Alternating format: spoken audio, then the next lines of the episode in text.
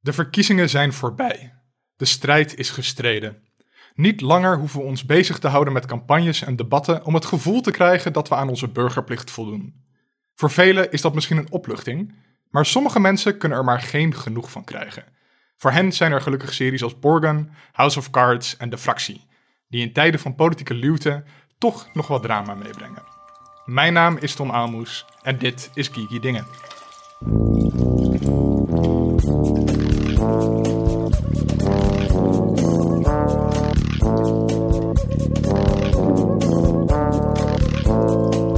Mijn naam is Sidney Smeets en mijn fictieve uh, partijnaam zou, denk ik, uh, eh, GOP zijn. En uh, dan bedoel ik dus niet de Grand Old Party, maar de Geeky Old Party. Mijn naam is Linda Duits en mijn fictieve partij zou iets heten als uh, La La La Liefde. Ja. Mooi. Mijn zo ben ik, Iris. Zo oh, ben ik. Vol met liefde. Niks um, anders. Um, even Ik vond het trouwens een hele moeilijke vraag. Maar mijn naam is Iris Verhulsdonk. En als ik een partij zou oprichten, dan zou die waarschijnlijk heten... het Partij voor Mensen onder de 61 in Nederland. Want in dit land waar iedereen super lang is, is ook het leven daarop ingesteld. En dat is erg lastig als je, net zoals ik, uh, uh, heel klein bent. Dus ik zou een one-issue partij zijn voor, uh, ja, voor mensen van mijn lengte. Je draagt blij, bij aan de versplintering van onze samenleving, Iris. Altijd. Deelbelangen, deelbelangen. Neem een voorbeeld aan, uh, aan uh, Carolyn van, van de Boerenburgerbeweging. Die komt tenminste op voor alle Nederlanders. Ja, die boer zijn. op het platteland wonen. En wel met de duurste auto ooit het Binnenhof opgereden, hè? of dan plein. Mijn naam is dus Tom Aalmoes en mijn fictieve politieke partij zou de radicale gematigde of de conservatieve voor vooruitgang heten, zodat niemand ooit weet waar ik in geloof. Weet je, zoals elke partij in alle series die we hebben gekeken. Ja, precies. Hmm, dis, Iris. Mm. Ik dacht dat je ging zeggen, een beetje zoals D66, maar dat komt eigenlijk op hetzelfde neer. Nou ja. Oh. U hoorde haar al even. Iris Verhulstonk is weer bij ons te gast. Um, en dat is heel goed, want we gaan het vandaag hebben over politieke series. En Iris is natuurlijk de producer van de politieke podcast van NRC, Haagse Zaken. Welkom Iris. Hey, fijn dat ik uh, er meer mocht zijn, al is het dan virtueel deze keer. Ja, helaas. Heb je de verkiezingen een beetje overleefd uh, op werk? Ja, zeker. Ja, voor uh, degenen die dat niet weten, wij hebben toen een dagelijkse uh, podcast uh, gemaakt, elke dag. Die heette Haagse Zaken Telt Af, waarin we eigenlijk ja, elke dag dus eventjes een, een, een wat kortere podcast maakten voor dat gevoel. En dat was natuurlijk als producent heel leuk om te doen, maar ook vrij slopend. Ehm, lange dagen gedraaid, maar het was echt, ik heb er ook weer heel veel energie van gekregen. En eigenlijk bijna jammer dat het weer voorbij is. Ja, ik, ik, mis het nu ook wel echt in mijn mediadieet. Ik heb er wel echt elke dag naar zitten luisteren. Ik vond het echt heel erg tof gedaan. Kijk, zo mag ik het horen. Ik vond, het, ik vond het wel wat te veel uh, um, uh, om, het, uh, om het erbij te pakken. Ehm, maar wel heel leuk dat, het, dat het was. Maar ik, ja, ik vind eens per week is ook al best frequent voor een podcast. dat begrijp ik ook wel. Ik denk dat het voor ons ook wel goed was om het nu weer terug naar één keer in de week te doen. Dat, dat, we hebben ook... Uh, oh, ja, Nee, Sorry. nee, niks. niks. Nee? nee. Oké, oké. Is goed. Uh, nou, voordat we doorgaan naar de terugblik, moeten we natuurlijk ook even terugblikken op een ander politiek, uh, politieke gebeurtenis van de afgelopen twee weken. En dat is dat Sydney verkozen is Yay! tot Tweede Kamerlid. ja, inderdaad. Nou ja, dankjewel, dankjewel, dankjewel. Uh, deze week, dus voor de luisteraar, op het moment dat je dit hoort, is het al zover, is de beëdiging van de nieuwe Tweede Kamer. En dan, dan ben ik officieel Kamerlid. Ja. Weet je al waar je komt te zitten? Want dat is een heel ding, heb ik gehoord in Haagse zaken. Zeker. Uh, ja, de indeling van de uh, Kamer, dus de plenaire zaal, is een heel ding. Uh, maar ook de indeling van de gebouwen van de Kamer is een groot ding. Nou heeft D66 het voordeel dat we al heel lang in het voormalige ministerie van Justitie zitten. je moet je voorstellen, op het plein staan eigenlijk drie gebouwen. Er staan natuurlijk nog veel meer, maar even aan de kant waar het nu over gaat staan drie gebouwen. Uh, als je met je gezicht naar de Tweede Kamer staat, is aan de linkerkant het oude ministerie van Justitie. Aan de rechterkant het oude ministerie van Koloniën. En in het midden is die nieuwbouw. Hè? Dat is die nieuwe hmm. uh, uh, Tweede Kamer die daar gebouwd is eind jaren 90, of in de begin jaren 90. Vroeger was daar het gebouw van de Hoge Raad. Um, en dat nieuwbouwgedeelte, dat gedeelte, dat verbindt eigenlijk allemaal oude gebouwen aan het plein en het binnenhof met elkaar.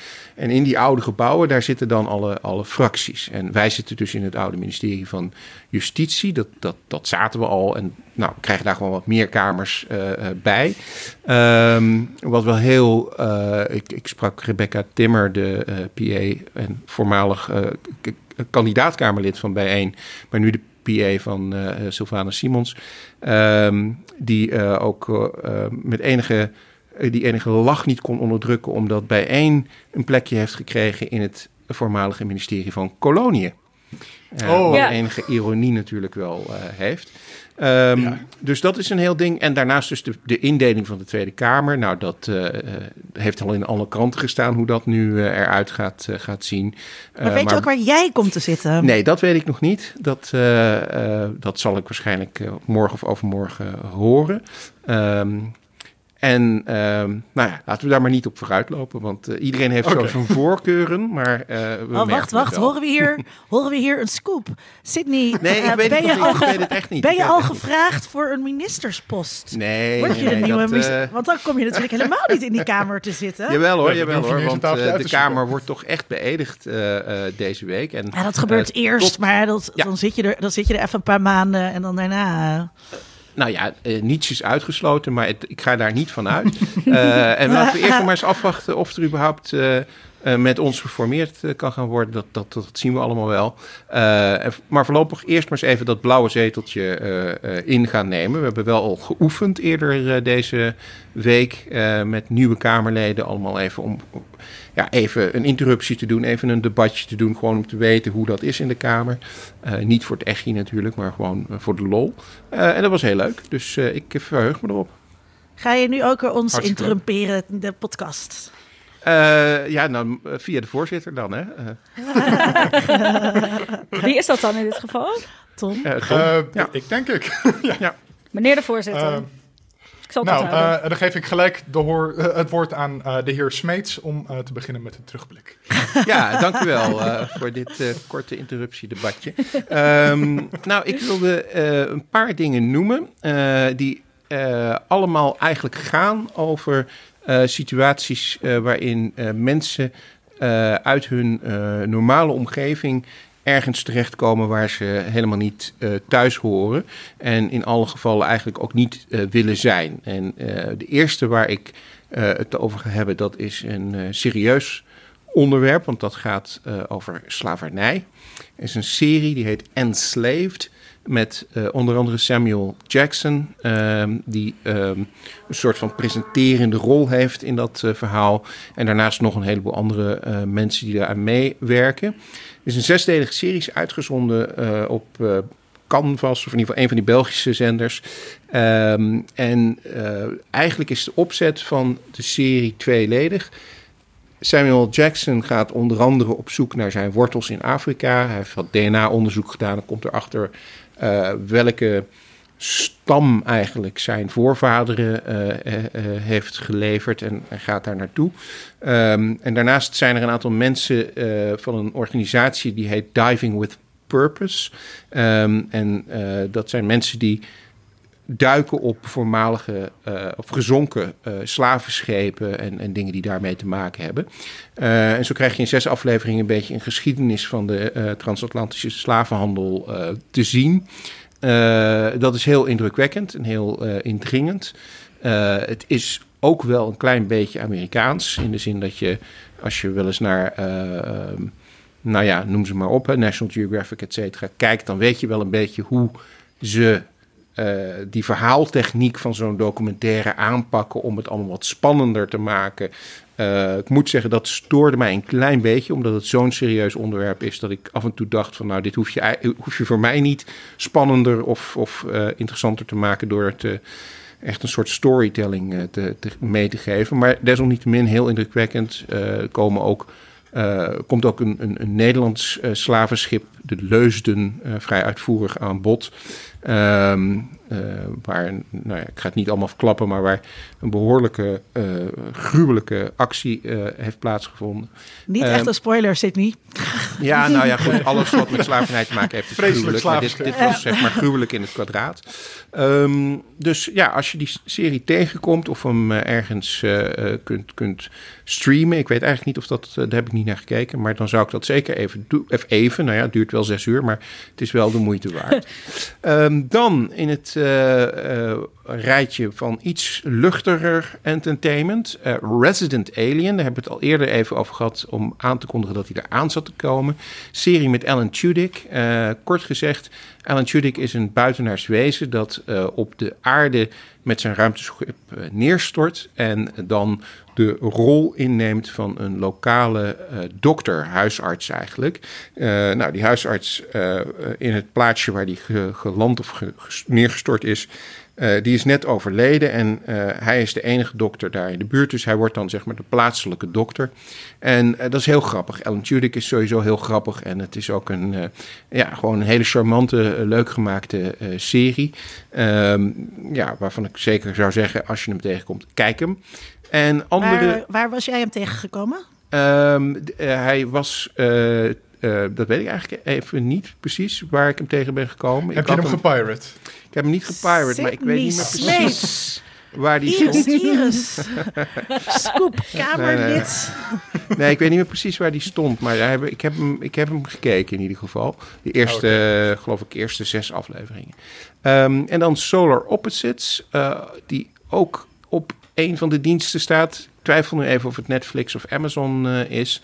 Um, Solar Opposites is van de makers van uh, Rick and Morty. En uh, het oh. lijkt er ook wel een beetje op. Uh, de stemmen lijken er een beetje op. En ook de manier van, van humor, die lijkt er wel, wel een beetje op. Um, en ook daar gaat het er eigenlijk om dat er een, een soort van gezin van buitenaardse wezens op aarde is geland of neergestort eigenlijk. Nadat hun eigen planeet is opgeblazen. Um, en um, nou ja, die proberen dus zich aan te passen aan het uh, leven op aarde. En uh, wat wel grappig is, is dat ze dat helemaal niet doen door net te doen alsof ze mensen zijn of zo. Ze zijn gewoon buitenaardse wezens. Iedereen weet dat ook, iedereen ziet dat ook. Um, en het gaat dus heel. De humor van de serie is heel erg. Ja, dat ze alles wat mensen doen niet begrijpen. En allerlei rare dingen doen die wij niet uh, begrijpen. Maar dan een beetje op de Rick and Morty uh, manier. Dus als je aan het afkicken bent, omdat er even geen Rick and Morty is, Solar Opposites. Klinkt goed. Linda, wat heb jij gezien en beleefd? Uh, ik heb uh, van alles uh, beleefd en wat minder gezien. Ehm, ik, ik heb heel erg genoten van het tweede seizoen van Anne Plus. Um, ik had al vroeger heel erg genoten van het eerste seizoen van Anne Plus, wat toen alleen een webserie um, was, die dus alleen op YouTube te zien was. En het gaat heel erg goed met de serie. op een gegeven moment mocht die ook op de, de Nederlandse publieke omroep vertoond worden. En inmiddels um, staat hij op Netflix. En dus ook het tweede seizoen op Netflix. En de serie gaat over meisje Anne. En zij is um, lesbisch. Ze wordt ook gespeeld door een lesbische actrice. En het programma wordt eigenlijk bijna alleen maar door LHBT-mensen uh, geproduceerd ook. Uh, ik ken ook die mensen die het maken, die zijn ook allemaal heel erg leuk. En uh, het, in het eerste seizoen is het steeds Anne Plus en dan dus een naam van iemand. Dus je ziet dan al haar sekscapades voorbij komen. En het is ja, voor mensen die in Amsterdam wonen dit was vroeger ons leven. uh, oh. um, dus zo, zo, voelt het ook heel erg als je er naar zit te kijken. Uh, uh, ja, je, ken, je kent al die mensen, zeg maar. Of tenminste, in de zin van je kent die personages. Je kent de gebeurtenissen die, die ze meemaken. Dat is heel leuk. En het is ook Amsterdam porno, want het speelt zich allemaal af in Amsterdam.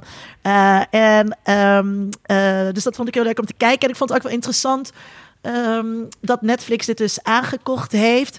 Um, Netflix heeft een verplichting uh, gekregen dat er zoveel Europese producties uh, te zien moeten zijn.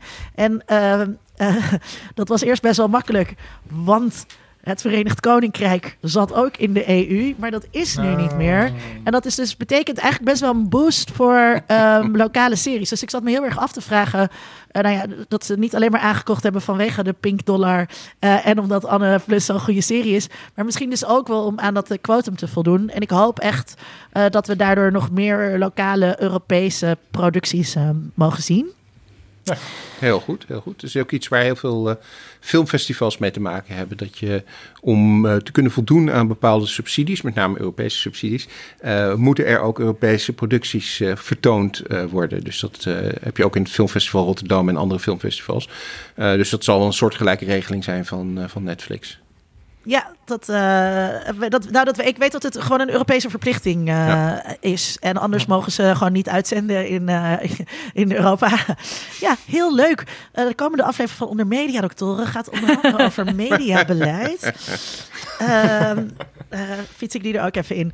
Ehm, en daarnaast heb ik gekeken naar... nou, ik keek It's a Sin uiteraard. Ehm, daar wou ik het verder niet, niet over hebben, want daar is het al best wel vaak over gegaan. maar maar ehm, eh, toen kreeg ik een tip die ik al had gedownload eigenlijk. Um, heb ik dus toen maar opgepakt. De serie Cucumber. Uh, Van dezelfde maker als van uh, It's a Sin. dus Russell T. Davies. Um, en heel onverwacht. Vond ik het. in de zin dat het is voor, voor Brits, as, as far as the Brits go, is het heel seksueel expliciet. Het neemt echt geen enkel geen enkel blad voor de mand. Cucumber verwijst ook naar. Ja, dus het begint zeg maar helemaal. Aan het begin hoor je dat er verschillende soorten uh, erectie uh, zijn. Um, eentje is. De, to oh, de tofu. Dan de. Dan de de banaan uit de schil, de banaan in de schil en dan de komkommer. en, en is heel leuk dan, want als je dit leuk vindt, uh, Cucumber ja, is... het is mijn, het is mijn, uh, het is mijn blik, ja. niet jou hè. Even dimmen, jij okay, het woord okay. niet. Ik, ik, wacht even, maar ik heb, ik heb dan nog iets leuks voor je, denk ik. Nee. Uh, um, um, het gaat dus over. Uh, het is een uh, man. De hoofdrolspeler is een homo-man van middelbare leeftijd.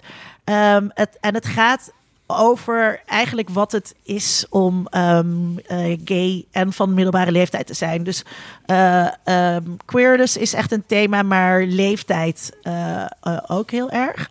Er zitten allerlei heel onverwachte dingen in die, ik, die ik ontzettend leuk vond. En dat is heel erg grappig. Dus echt, echt, echt een aanrader uh, op de downloads um, was dit. En waar Sydney me wilde uh, intrumperen, naast Cucumber, uh, zijn er ook twee andere series gemaakt in dezelfde reeks. Eentje heet Tofu en eentje heet Banana. Waar ik dus nog naar uit kan kijken om die te zien. En die gaan yes. ook allemaal over wat het betekent om LHBTQIA te zijn in Groot-Brittannië. Klopt. Ja, kon ik zelf zeggen, Sidney. Kon ik gewoon zelf zeggen. En die, en die spelen zich parallel uh, met dit verhaal af. Dus uh, je gaat dezelfde karakters zien terugkomen. Dat is, uh, dat is leuk. En voor mensen die It's a Sin willen kijken, dat hoef je niet te downloaden, want dat staat op NPO. Nee, op NPO okay. Plus. NPO Plus. Dus daar moet je voor betalen, wat heel debiel is. Het wordt ook Echt. uitgezonden van de, zomer. Start-app is ook helemaal debiel. Van de, van de zomer wordt het pas uitgezonden. Ja. Uh, um, Botte en Ipe hebben zich hier terecht heel druk over gemaakt in de eeuw van amateur. Uh, ik vind dat onbegrijpelijk uh, van de publieke omroep dat ze dat achter uh, de betaalmuur zetten. Dus download die boel. Download het gewoon. Ja, laat je niet pakken door die eikels. Uh, het is echt, wat vind je daar dan van, Cindy? Het is, het is onwijs belangrijk dat mensen dat zien. Je wil ook dat mensen dat zien. Het heeft een educatieve waarde, wat volgens mij toch echt nog steeds, als we het hier over mediabeleid hebben, in de publieke taakstelling staat van, van de publieke omroep. Doe daar wat aan, Kamerlid. Doe daar wat nou, aan. Ja, ja, ik denk niet dat, ik ben, ben bang dat media niet in mijn portefeuille zal zitten, denk ik. Maar oh, uh, daarnaast denk ik dat dit iets is wat, wat, wat, wat een beetje een moeilijk verhaal wordt, omdat ze het wel gaan uitzenden. En dan, uh, ja, weliswaar wat later, maar je kunt het dus wel degelijk gratis zien. Als je het maar ik hoop toch dat jij als Kamerlid. Uh, hm? Ik hoop vooral dat je als Kamerlid geen invloed hebt over wat de NPO wel of niet uh, uitzendt. Dus, ja, maar dat hebben die Kamerleden dus juist wel, want die voeren mediabeleid op de inhoud. Luister deze aflevering. We gaan geen ondermediadoctoren maken. Ondermediadoctoren. Iris, wat heb jij zo al gezien en beleefd? um, nou, ik heb... Uh, um, ik had recent een boek geleend van Linda. Uh, oh. de, de Graveyard Book uh, van Neil oh, Gaiman. Ja. En dat is een topboek, maar dat is niet eens mijn inbreng. Hoewel ik wel wil zeggen, ga dat lezen. Maar um, toen werd ik zo blij van dat ja, dat soort schrijven voor de mensen die hem niet kennen, die onder een steen hebben geleefd, net zoals ik. Want ik kende Neil Gaiman dus niet, maar kennelijk is dit een hele grote schrijver en iedereen kent hem al, behalve ik. Dus sorry, ik, vond het ook heel raar dat ik het niet kende, want ik hou dus echt van jongs af aan echt heel erg van zeg maar meer griezelen en meer een beetje dat occulte en spooky-achtige, maar niet echt horror. Dat is, vind mhm. ik echt heel leuk. Nice. ik heb hem ooit mogen ehm, interviewen. Oh, oh even Waar staat dat ergens? Waar staat dat, ergens? dat ergens in? In uh, uh, SF Report. Dat is een heel oud blad. Is wel te vinden in de Koninklijke Bibliotheek. Nou, ik ga eens kijken. In ieder geval, uh, um, toen was ik daar zo door bevangen dat ik dacht, ik ga nog een boek van hem kopen. Um, en toen heb ik Neverwhere gekocht, heb ik besteld. En die heb ik eigenlijk heel snel uitgelezen, want vond ik echt een heel erg leuk boek. Um, het gaat over uh, London Below. En het idee is dus dat er eigenlijk een parallele wereld is aan het gewone Londen, wat eronder ligt, maar ook weer niet eronder. Ja, daarvoor moet je het boek denk ik lezen. En tot mijn blijdschap kwam ik erachter dat um, in het begin van het boek staat ook dat hij heeft dit boek geschreven omdat hij eerst een serie heeft gemaakt, maar hij vond dat hij niet genoeg kwijt erin kon, dus heeft hij er een boek van gemaakt. Dus in plaats van dat het een serie was die uh, de boekadaptie is, is het eigenlijk andersom. En die serie is dus een BBC miniserie uit 1996, die op YouTube staat met Italiaanse ondertiteling. en um, dat, ja, dus dat ben ik begonnen met kijken. En dat was vooral heel, um, heel grappig, omdat ze het um, met een best wel laag budget best wel goed hebben gedaan. Um, en omdat hij dus ook de uh, schrijver is, komen dingen dus letterlijk uit dat boek terug. Het boek zelf, even kijken. Um, ik dacht dat ik hem hier lat, maar dat is de Graveyard boek. Maar hij heeft net als de Graveyard boek ook veel illustraties. Hele mooie illustraties.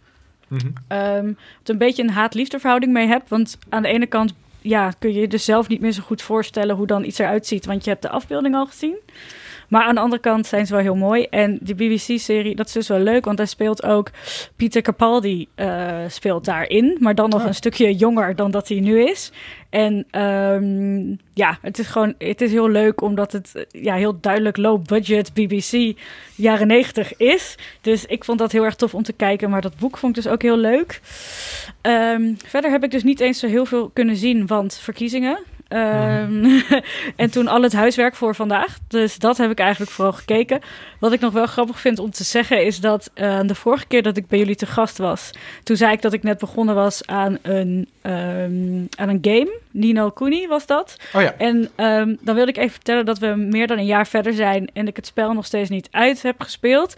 Laatst dacht ik dat ik hem uit had gespeeld, want ik had de boss fight, die trouwens mhm. toen ook drie boss fights was, dus toen was ik al gefrustreerd. En toen had je dus de laatste scène, dacht ik, waarin je dan zei van oké, het is voldaan, ik ga nu echt terug naar mijn eigen wereld. En dan werd er ook gezegd van je mag nog een rondje lopen door deze wereld en kom terug wanneer je er klaar voor bent. Dus ik dat doen, een beetje ook met een traan, weet je wel, want oh, dat was zo'n leuk spel geweest, heeft me door die lockdown getrokken. Bleek het dus helemaal niet het einde te zijn komt er opeens een soort sikke plot twist in, waardoor ik nu nog echt allemaal levels moet gaan uitspelen. Dus daar ben ik dus nog voorlopig ook even zoet mee. Zo, ik had dus ook al een nieuwe game gekocht om hierna te gaan spelen. Maar die moet even wachten, want ik moet eerst nog Nino Kuni uitspelen. En verder heb ik ook in dat kader gisteren nog samen met mijn vriend Karim uh, My Neighbor Totoro gekeken. Oh. En dat was gewoon eventjes in een warm bad. Dus dat is mijn ja. uh, terugblik. Oh, ja! Zit, oh, zit inderdaad nu voor de camera een, een beeldje van Totoro zien. En, ik, en nu heb ik een hele grote grijns op mijn gezicht. Het is gewoon zo leuk. Het is gewoon, oh, als je er even doorheen zit, moet je dat gewoon kijken. Ik ga dit aankomende week weer herkijken. Uh, zelf heb ik de afgelopen tijd um, uh, ook heel veel naar het huiswerk zitten kijken, maar ook twee films. Um, en stiekem heb ik ook heel veel Stardew Valley gespeeld, sorry. Um, maar uh, ik heb natuurlijk, ik, ik keek er al niet naar uit een paar afleveringen terug, uh, de uh, remaster van de Justice League. Um, ik heb heel veel tweets voorbij zien komen van je. Ja, ja het, het was een ervaring. maar verrassend genoeg is het een significant betere film dan de originele Justice League film. Zeker, ja. Ehm, een stuk kijkbaarder, omdat het coherent voelt en het loopt gewoon best wel lekker. Verrassend goed voor een vier uur durende film. Vier ehm, uur? Vier uur. Ik heb zoveel haat voorbij zien komen op Twitter. en ik val nu echt van mijn stoel door wat je zegt, Tom. Ja, ja. Ehm, dit maakt het nog geen goede film, hoor. Uh, daar was ik nog naartoe aan het werken. Ik, ik hou gewoon... Beter dan het origineel, komma, maar... geen goede film. Ik, maar dat, dat ligt echt aan, volgens mij, het feit van... of je houdt van Zack Snyder's stijl... of je kan er gewoon niet tegen. En ik vind het zo belachelijk melodramatisch en over de top. En het neemt zichzelf zo serieus. Um, en daar kan ik gewoon niet mee. Superman is dood aan het begin van de film. Dat is geen spoiler. Dat weet iedereen als je die films hebt gekeken.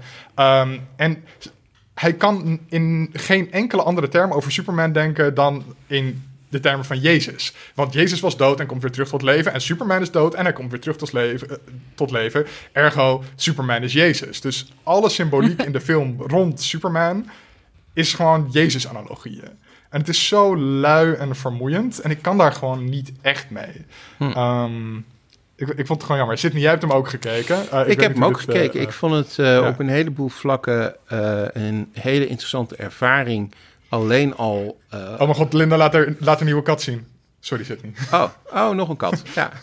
ja. Um, nee, ik vond het een hele bijzondere ervaring alleen al het feit dat hij het in een, uh, eigenlijk een vierkant uh, formaat heeft uitgebracht. Hè? Dus dat is eigenlijk de gedachte daarachter was dat het een soort IMAX-formaat zou moeten zijn. Nou, ja, daar heb je dus op je televisie erg weinig aan. Maar goed, dat was iets wat hij heel belangrijk vond.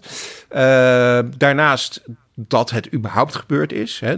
dit, dit is vrij uniek dat uh, een regisseur een kans krijgt om een film op deze manier uh, uh, af te maken of opnieuw te maken. Um, dat zijn al redenen, vind ik, als je van films houdt, um, om dit te kijken. Om gewoon de, de ervaring van wat dit is, en zeker vergeleken met het origineel, om dat een keer mee te maken. En dat zegt nog niet of het goed of slecht is, maar het is wel heel interessant. Um, als je het vervolgens gaat kijken, is het een aardige film. Het is geen uh, de, kijk, die eerste Justice League, die was slecht. Uh, ik denk, daar was volgens mij ongeveer iedereen het wel over eens. Die was niet goed te volgen. Uh, er zaten hele grote gaten in. Er waren natuurlijk dingen die gefilmd waren nadat mensen al lang van de set af waren en andere rollen waren gaan doen, waardoor opeens virtuele snorren weg, weggepoetst moesten worden en zo. Um, maar dat, dat werkte gewoon niet. En deze film, die werkt wel, omdat het verhaal gewoon klopt. Er is dit, dit, dit is logisch, je snapt het, je begrijpt ook veel beter uh, waar het allemaal op slaat en waar het allemaal vandaan komt. Het grijpt ook heel goed terug op de andere individuele films in deze reeks die er gemaakt uh, zijn, die je ook opeens ietsjes beter kunt plaatsen in, het, uh, in, het, in de grotere context. En het geeft zelfs voor mij, vond ik, een gevoel van, nou, ben eigenlijk wel benieuwd hoe dit nou verder gegaan zou zijn als, als dit wel meteen uh, de eerste versie was uh, geweest. Want dan is de bedoeling dat er nog een, uh, ja, door deze film heen zit heel erg verweven, een soort vooruitblik naar wat er in een volgend deel zou moeten gaan gebeuren. ja, dat gaan we nu dus niet meer zien. Maar het, het laatste half uur is een trailer voor een film die nooit, die nooit zal komen. Worden. Klopt, ja. Maar, maar want even, vier uur, kom op. Ja. Maar ik, ik oh, heb me geen seconde verveeld. Uh, ik vond het... Uh, ik ook niet. Uh, Wat? Nee, je kunt het... Het is verrassend kijkbaar voor een film van vier uur. uur. Ja, dat ja, is, dat is op zich al een prestatie. Dat, dat je dus een film van vier uur kunt maken waarbij je je niet verveelt. Ja, nou, dat natuurlijk. is natuurlijk niet een prestatie, maar wel als het over fucking superhelden gaat. Ja, precies. maar uh, hij, dus hij doet dat gewoon goed. En het, het, het is ook heel slim opgebouwd, want het is in hoofdstukken verdeeld. Dus je kan het ook, als je het zou willen, zou je het ook over drie of vier avonden verdeeld uh, kunnen Heb kijken. Als je, ja, nou, als je amateur bent. Gebeurt wel, uh, gebeurt wel meer, zag ik op Twitter voorbij komen. Uh, maar het is echt, nee, het is echt verveeld niet. Het is goed gedaan. Um, dus ja, ik vond het, uh, ik vond het wel de moeite waard uh, van het kijken. En nogmaals, het, het, het geeft wel enige nostalgie voor wat het had kunnen zijn. Uh, ja, uh, tegelijkertijd dat wordt het dus niet. Dus dat gaan we ook nooit meer zien. En in die zin zit je dus naar iets te kijken wat nooit af zal zijn en waar nooit eh, een echt vervolg op, eh, op zal, zal komen. Ehm, en wat ik ook wel vond is, maar dat komt omdat we nu Endgame hebben gehad, dat er wel heel veel dingen in zitten die heel erg van Endgame gestolen lijken te zijn. Terwijl waarschijnlijk is dat niet zo, want als dit het verhaal de, film is, gemaakt voordat Endgame überhaupt bestond. Precies, ja. Dus als dit het verhaal is wat hij al bedacht had, dan is dat niet zo. Maar nu lijkt het wel bij een aantal dingen dat je denkt... hé, hey, is een soort Thanos uh, wat we daar zien. Maar goed, dat, dat, dat is een beetje het lot van het afmaken van een film zoveel jaar na dato. ja, helaas. Um, ik heb daarnaast nog wel een hele goede film gezien die ik echt kan aanraden. The Sound of Metal. Um, en dat is een hele tragische film over een oh. metal drummer, uh, gespeeld door Riz Ahmed. Uh, hele goede acteur. Uh, vind ik echt top in alles wat hij doet. Um, en dat is dus een drummer die zijn gehoor verliest. En um, daarmee moet gaan zien te leven. Um, en dat op sommige punten niet kan en op sommige punten wel kan. En het, het, is, het is zo bizar mooi gedaan.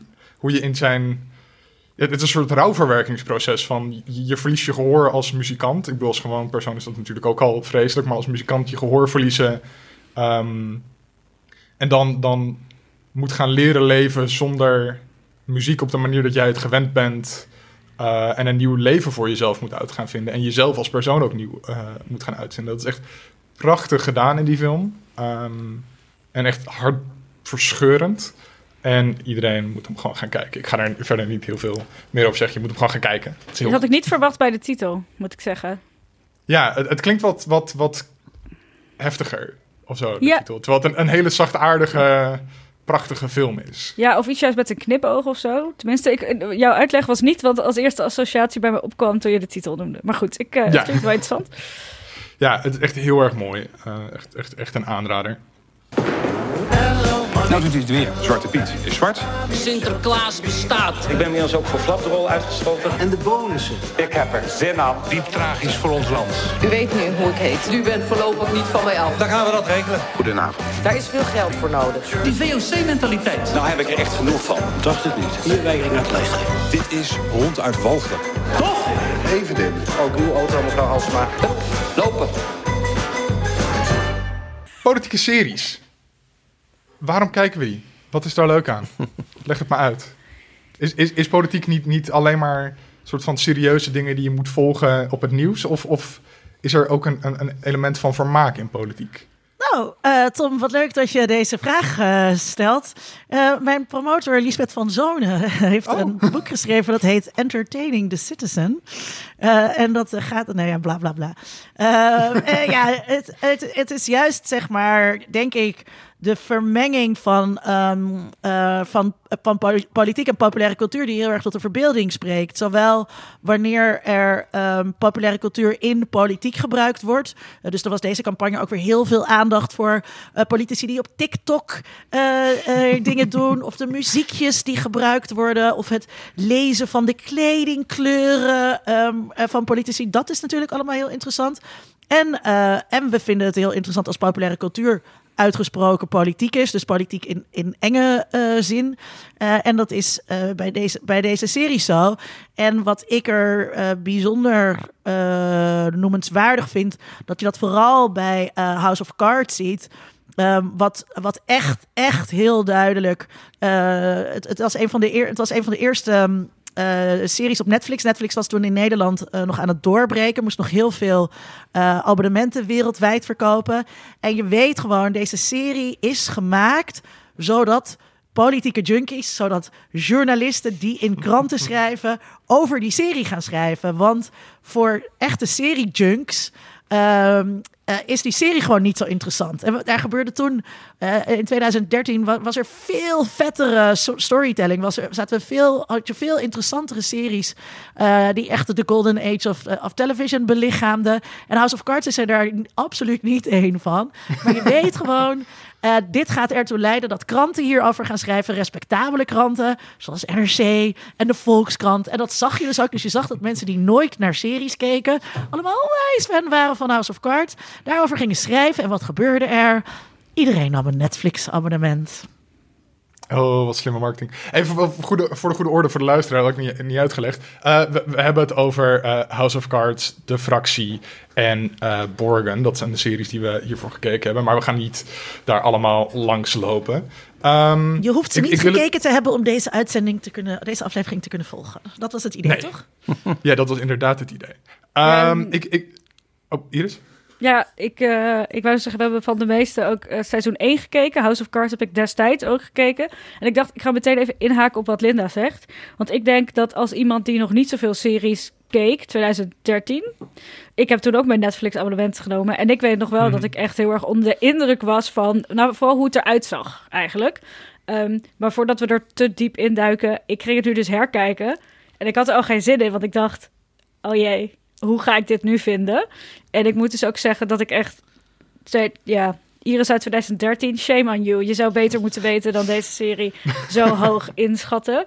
Um, ja, dus ik ben het er wel een beetje mee eens dat het, het lokte je of zo op een bepaalde manier toen. En nu ook weer. Het is mooi, hè. Er zitten ook heel veel mhm. mooie mensen in. Die in mooie huizen zitten met heel mooi kleurgebruik. Maar het is echt best wel dun, eigenlijk, vond ik. Um, maar goed, dat is misschien een beetje vooruitlopen op uh, uh, verder. Want jij vroeg of politiek ook entertainment is. Nou ja, als iemand mhm. die een politieke podcast maakt... Um, is dat het, ja, nee, ik bedoel, ik denk zelf ook, en dat is niet alleen bij die podcast, maar überhaupt dat wij ook wel heel erg het plezier van politiek volgen daarin proberen te verwerken. Um, ik heb dat zelf in ieder geval wel. Mijn uh, ja, interesse van politiek komt echt voort uit kopspijkers. Toen ik echt nog heel jong en een heel klein meisje was, keek ik ook Kopspijkers. En er zijn diverse politici die ik dus eerst als satire kende, door die acteurs allemaal gespeeld, en daarna pas besefte wie dat dan waren in het echt. En dan, ja, op die manier ben ik ook dat allemaal heel interessant gaan vinden. En ik denk zelf wel dat, kijk, het gaat vaak wel over hele serieuze dingen. En ik denk ook dat je eh, heel veel beleid en zo het heel serieus moet nemen. Maar dat allemaal volgen en het doorhebben. En weet je wel, de taal die er wordt gebruikt. En wat gebeurt er nou wanneer er in debat dit is. Wat voor afspraken zijn in zo'n coalitie.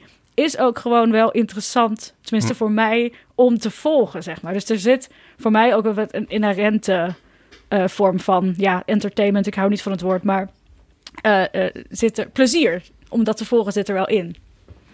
Het ja, is heel duidelijk een spel natuurlijk. Dat, uh, dat, het, het, is het politieke spel. En wat jij zegt, hè, als, je, als je de spelregels kent en je, en je kent de voetballers uh, en, en je weet wat van de transfer, van de transfermarkt. Uh, ja, dan, dan je kan op dezelfde manier de politiek volgen zoals je het voetbal kunt volgen. Ja, Sydney, wat, wat wil jij zeggen?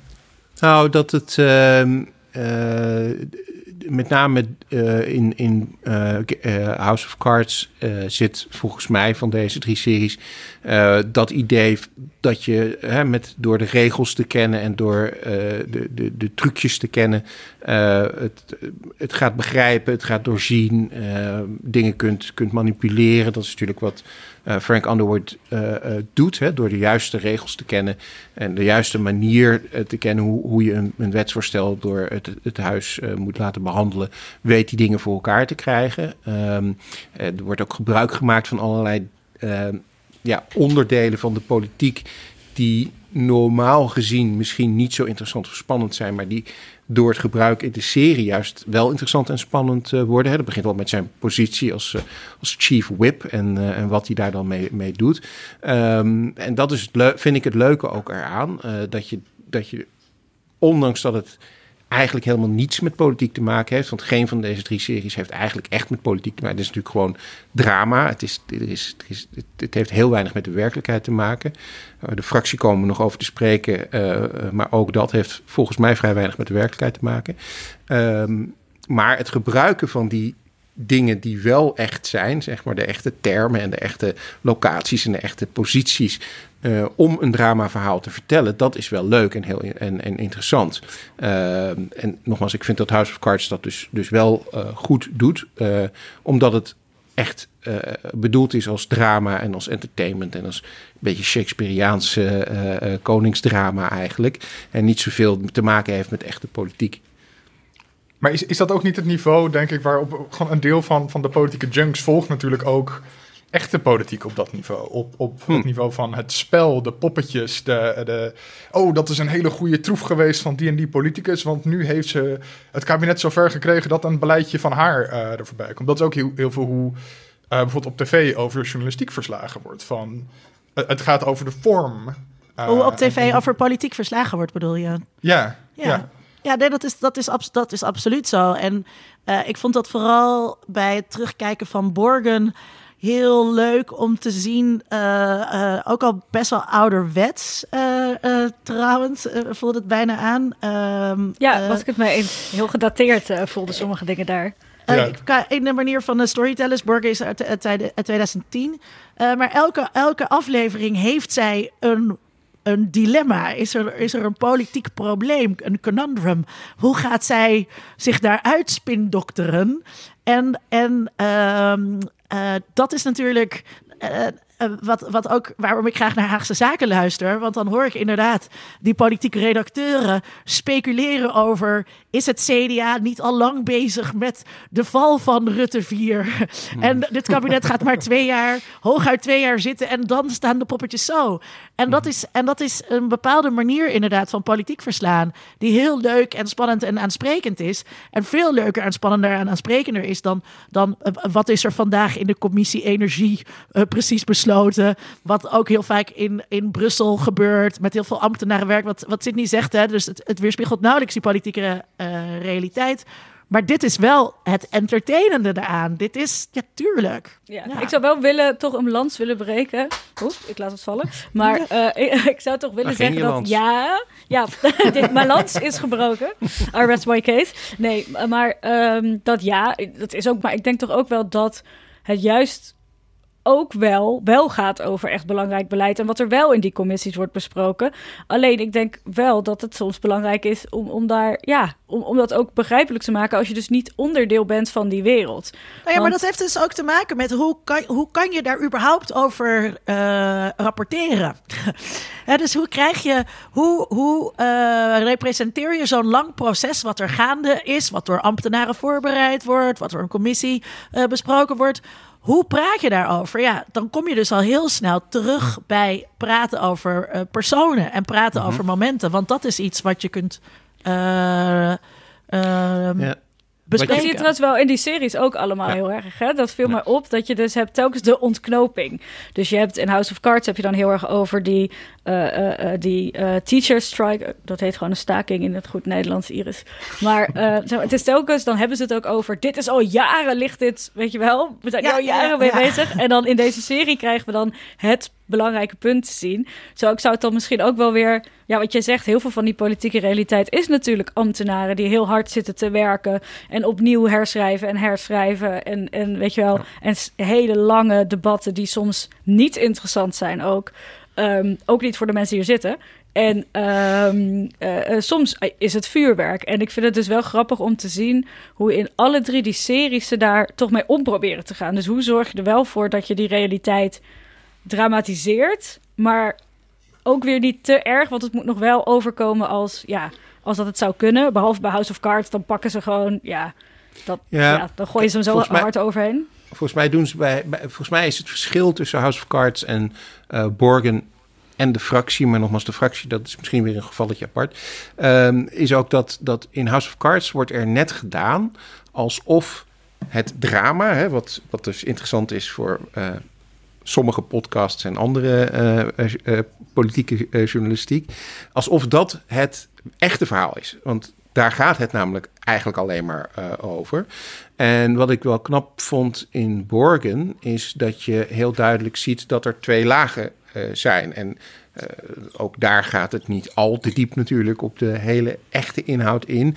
Maar je ziet door uh, de aanwezigheid van die Casper uh, Jul en andere persvoorlichters en de betrokkenheid die zij heel, heel erg hebben bij het politieke besluitvormingsproces, zie je heel erg dat, het, dat er één niveau is, namelijk in de Burgt, in de Borgen, waar men met elkaar aan het wielen en dealen is en probeert om dingen voor elkaar te krijgen. En het andere niveau is van hoe gaan wij dit verkopen? Hoe gaan we dit naar buiten toe brengen? Hoe gaan we dit in het nieuws brengen? Hoe gaan we dit in soundbites omzetten? Ehm, en en dat vond ik wel interessant aan, aan Borgen, omdat dat wel iets is natuurlijk wat je ook in de dagelijkse politiek ziet. Uh, wat al natuurlijk al jaren gaande is, wat niet iets is van de laatste tien, tien jaar of zo. maar dat dat natuurlijk wel een hele belangrijke rol speelt. Dat het enerzijds is wat de media wil, hè? Wat, wat Iris ook zegt. Ja, zo'n debat wat misschien drie uur duurt in een commissie, dat is inderdaad nogal moeilijk om, om dat als podcast uit te zenden. Um, en tegelijkertijd gaat ook de, de, de politiek daar natuurlijk een beetje in, in mee. Omdat je weet, ja, dat debat van drie uur gaan ze niet uitzenden. Dus ik moet ook ergens een quote hebben die ze wel kunnen uitzenden. En een, een moment hebben waarop ze misschien wel aan, uh, aanhaken. En dat, ja, ik vind dat is bij, uh, bij Borgen. Uh, Borgen gaat heel erg over de relatie tussen politiek en media. Ja. Dat, is, dat is het centrale mm -hmm. thema. Terwijl ja. um, House of Cards ja, is gewoon, nou ja, het is gewoon een beetje uh, een, een, platte serie over een soort puppetmaster. Uh, uh, die, ja, ook... een poppetje in de, in, in, bij een krant heeft en die doet dingen voor ja. hem. En daarmee beïnvloedt hij meesterlijk alle media. Ja, en dus dat. dat uh, we weten direct dat hij slecht is. In de eerste scène zien we dat al. We weten dat zijn vrouw obsessief is, want die sport obsessief. Uh, en weet je, dus al die, al die, al die dingen zijn, die zijn allemaal heel plat. Maar ook in House of Cards zie je bij die journalisten een enorme love of the game. Die ook in Borgen uh, uh, dus zit. En die ook bij de makers van die series uh, moet zitten. Dat kan niet anders dan dat die makers van deze series politieke junkies zijn. Die dat spel dus ook allemaal heel lekker en leuk vinden. En dus ook uh, belangrijk vinden. Het ook belangrijk vinden om hoe gedramatiseerd uh, deze series dan ook zijn. Te laten zien hoe.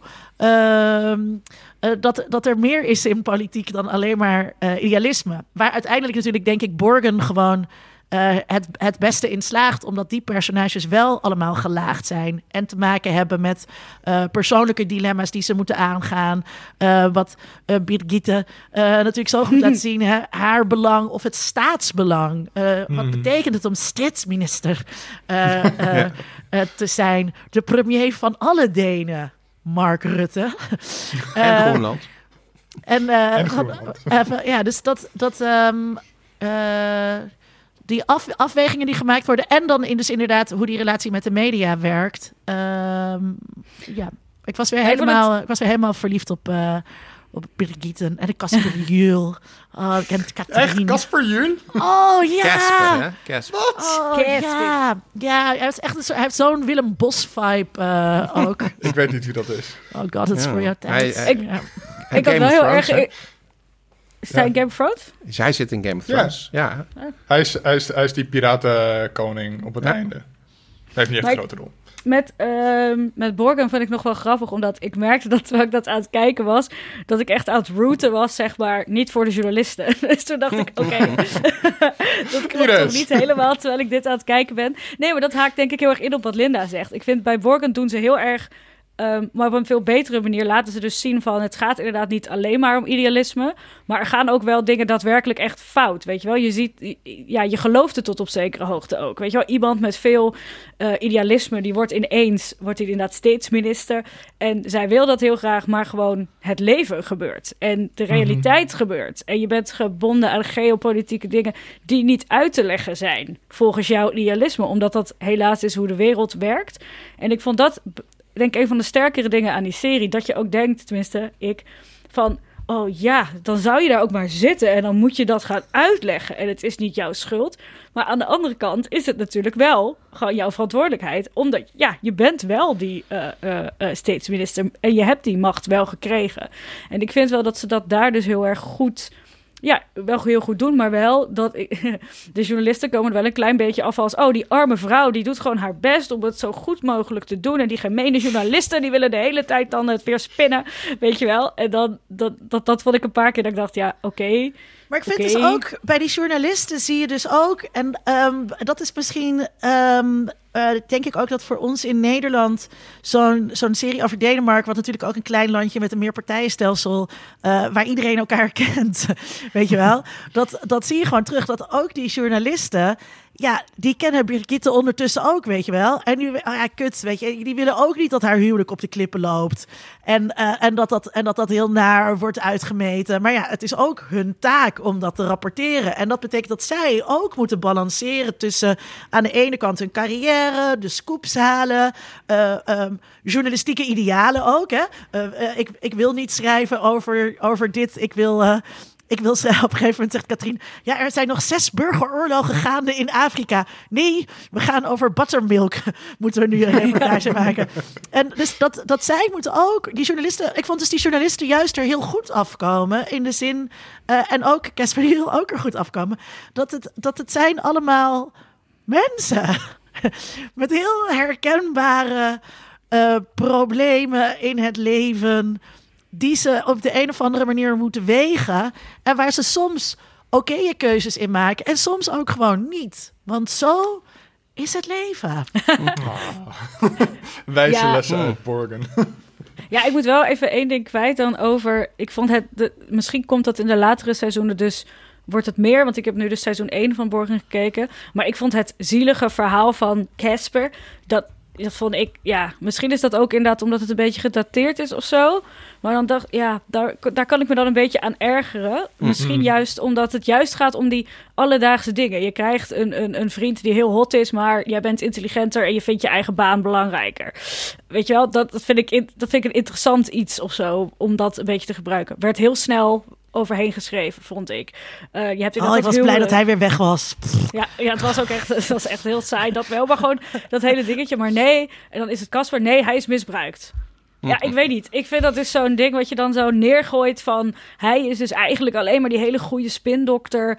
omdat hij vroeger misbruikt is en niet van mensen kan houden of weet ik veel. Ik vind dat eigenlijk jammer. Ik heb veel liever dat iemand gewoon... dan inderdaad gewoon een goed goed opgevoed uit een goede familie. En die heeft een hoge uh, studie gedaan. En die komt vervolgens bij. Ja, wordt hij daar spindokter. Maar, maar hij zou niet half zo sympathiek zijn. als hij niet soort van dat, dat, dat beetje die, die gewonde puppy. soort van vibe heeft. Right? dat, dat, dat, dat maakt hem als karakter wel. Je denkt toch, oh, deze jongen die ga ik redden. Ja.